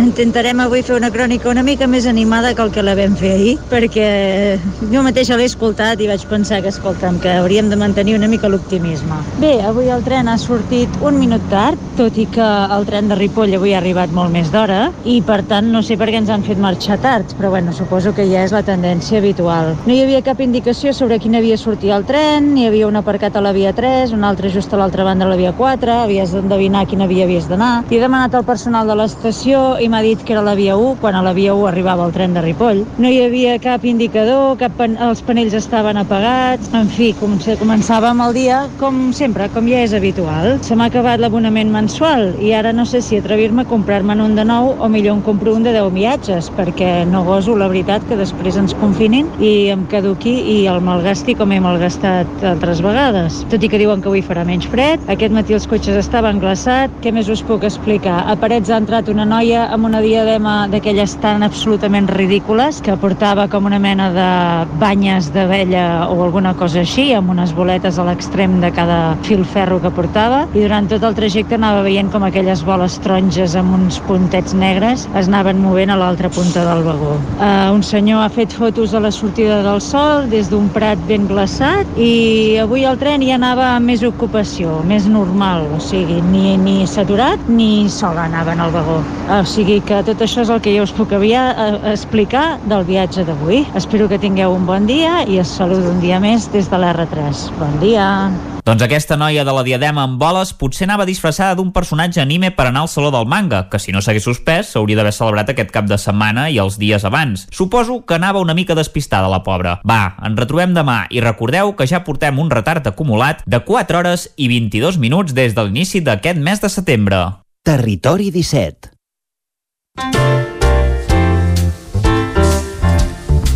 Doncs vinga, seguim a Territori 17. Ara parlarem d'activitats culturals pel cap de setmana i ja ens queda clar que no podem anar al Saló del Manga, eh? Exacte, que el Saló del Manga s'ha suspès i el que sí que hi ha són activitats eh, culturals, si bé adaptades també a aquests requeriments horaris uh Mhm. -huh. doncs, que ha establert la Generalitat. Horaris i d'aforaments, evidentment, també. Ah, Exacte, el d'aforaments doncs ja, Ja ja, hi era, era de fa uns dies, però ara a més a més evidentment hi ha aquest, eh, aquesta restricció també horària que fa que en alguns llocs doncs, s'hagin modificat els horaris, que en alguns cinemes doncs, també suspenguin la, la última funció o hagin de, de reajustar els horaris. Recordem que tots els que aneu aquest cap de setmana al cinema, al teatre, en algun concert, guardeu-vos l'entrada perquè si de 10 a 11 esteu tornant cap a casa en cotxe, a peu, sigui com sigui doncs bé, és la, el vostre salt conduït per arribar tranquil·lament a casa sense ser multats. L'entrada, eh, ja sigui del cinema o de l'espectacle on hàgiu anat, per tant, res de llançar-lo a la paperera, al tiquet, eh, o el que sigui. Festa, fet aquesta recomanació, uh, Vicenç, per on comencem el repàs a l'agenda del cap de setmana? Anem a Ràdio Cardedeu perquè l'Òscar Muñoz té diferents propostes per a aquests propers dies, oi Òscar? Així és, així.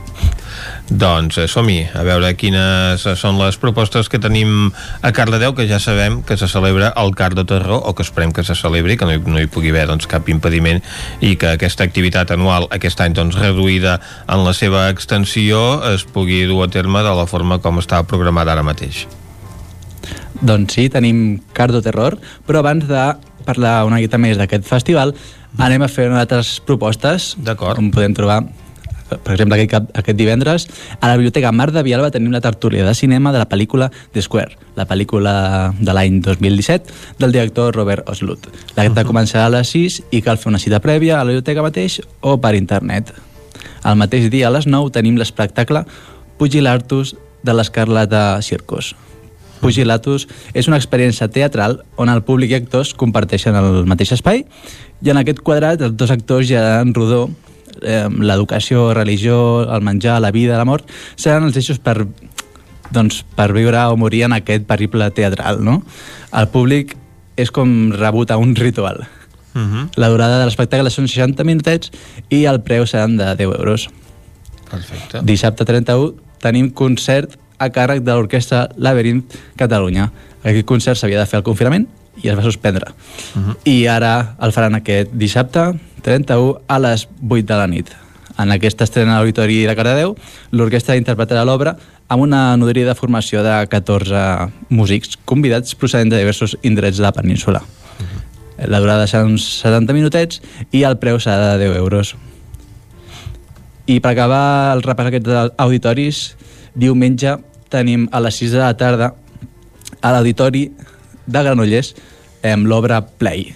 Play s'inspira en l'activitat que més caracteritza la infantesa, que és el, el joc, uh -huh. i en una festa sense cap respir ens contagiaran l'alegria, el somriure i la diversió a través del vestuari i il·luminació que faran reforçar una mica més l'espectacle. Podem trobar entrades de 6 euros i la durada serà de 55 minuts. I ara sí, per acabar aquest cap de setmana, tenim el Cardo Terror uh -huh. i per això farem una miqueta de... Serà aquests tres dies de divendres, dissabte i diumenge i farem una miqueta de repàs, si us sembla bé. I tant, vinga. Doncs sí, el... començarem a les 5 de la tarda amb la presentació del Cardo Terror i tot seguit es farà una gravació en directe del podcast, del podcast Marea Nocturna. Això serà Aquest divendres. gratuït. Això és divendres, 30 d'octubre, exactament. L'acte és gratuït amb fonament limitat. A les 7 es farà l'entrega de premis Finestra i serà, farà una projecció de, de book trailers i entrega de premis als guanyadors. L'acte aquest també serà gratuït i amb l'aforament limitat. I a les 8 faran un, homenatge al Fred Decker la, amb la projecció de la pel·lícula El terror llama su puerta, de l'any 86. Uh -huh. Això divendres. Dissabte 31 tenim a les 10, és l'acte més matiner del festival, tenim un homenatge a William Castell, la projecció de, amb la projecció de la pel·lícula de Tingle, uh -huh. de l'any 59. A les 12 faran un altre homenatge a Roger Corman amb la projecció El hombre con rayos X en los ojos, de l'any 63. A les 3 a l'hora de, de dinar, l'homenatge uh -huh. a Dark Castle amb la projecció de la pel·lícula 13 fantasmes, de 2001. A les 5 tenim projecció de 5 curtmetratges finalistes que opten als Premis TAC de, de tot arreu de Catalunya i l'acte també serà gratuït amb aforament limitat. I tots seguits es fa l'entrega eh, amb els millors curs de producció catalana. Mm -hmm. I per acabar dissabte a les 7 tenim la sessió especial de Sitges amb la projecció de la pel·lícula Trying to Busan 2, Península, d'aquest any mateix. Del Festival de Sitges. I diumenge per acabar...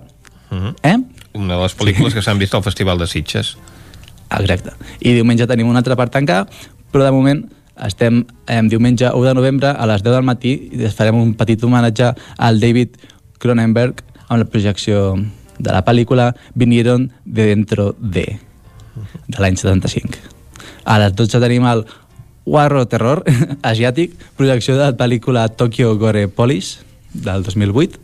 A les 3, sessió familiar amb la projecció de Los Cazafantasmas, la del 84.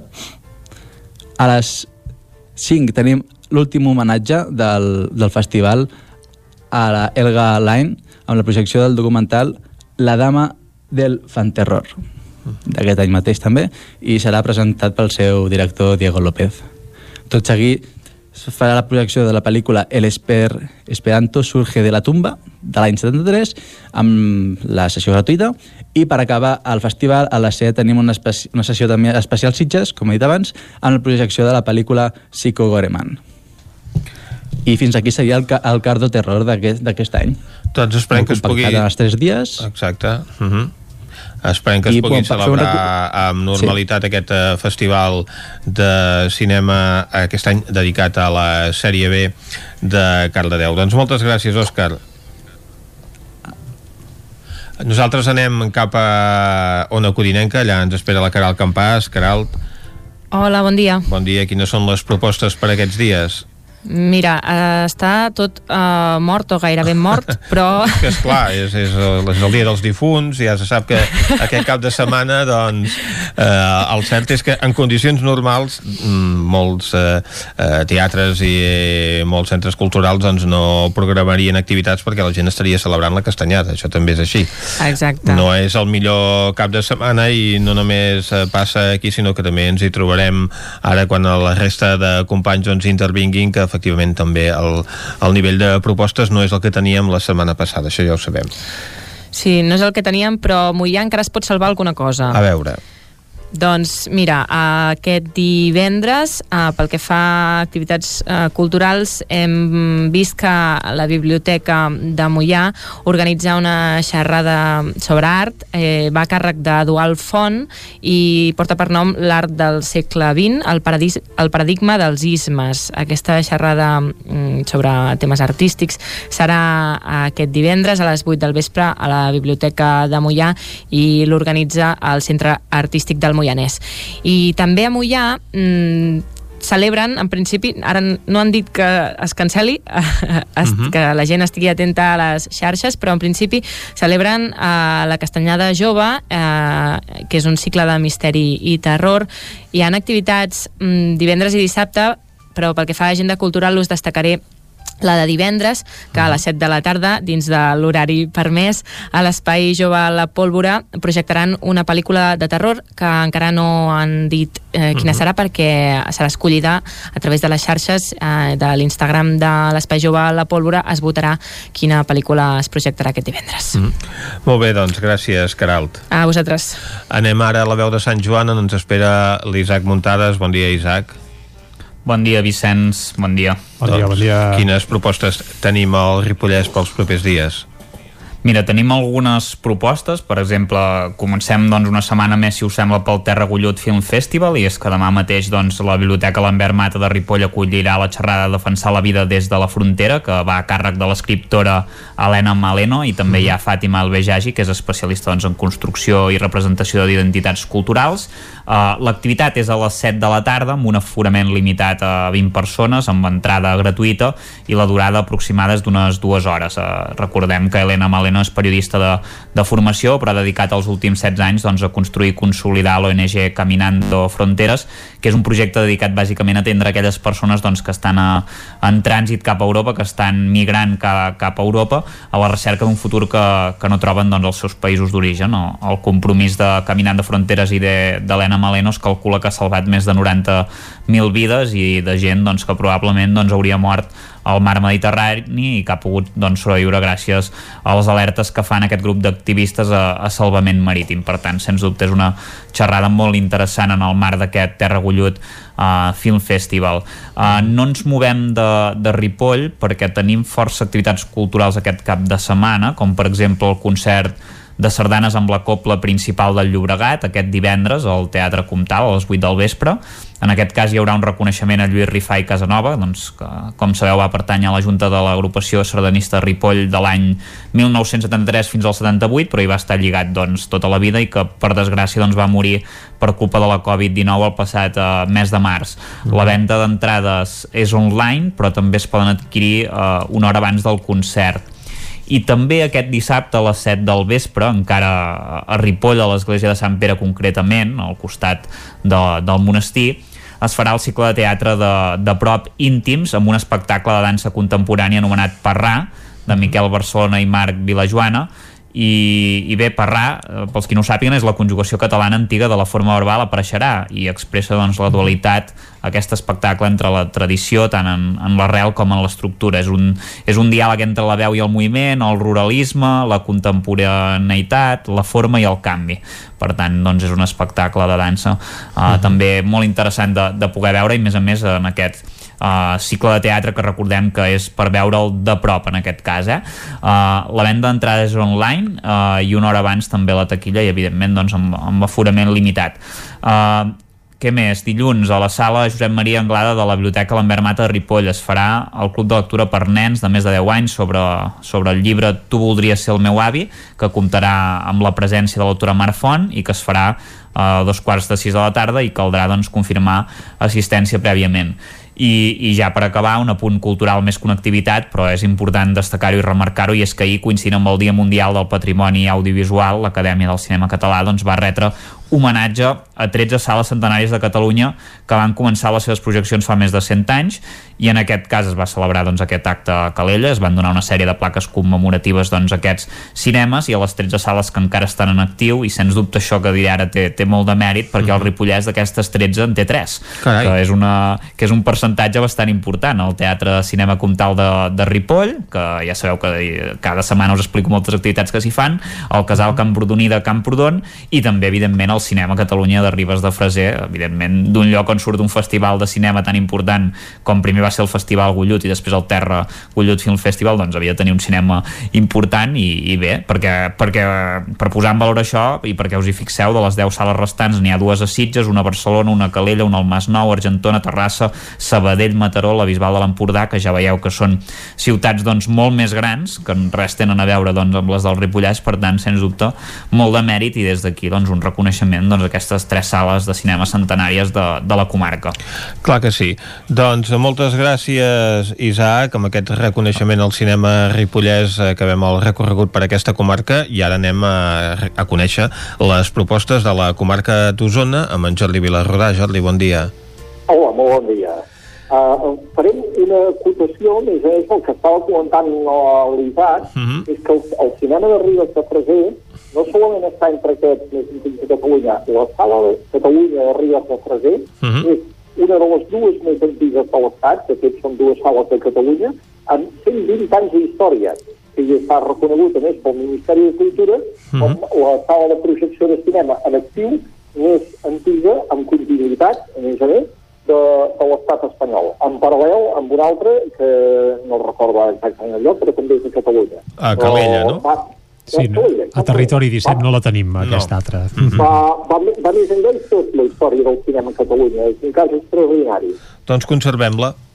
Conservem-la. Ah, exacte. I bé, i, i, i anem, per, anem pels actes que hi ha previstos per aquesta setmana. Anem-hi. Eh, hem de fer una precisió, que és que tot això que estem dient ara també pot estar subjecte a canvis. Estem pendents d'una roda de premsa, per exemple, de l'alcaldessa de Vita que anuncia sobre mesures de prevenció contra la Covid-19 que des de manera pot afectar o no, no ho sabem en aquest moment, però programes. Uh -huh. Però en direm el que hi ha.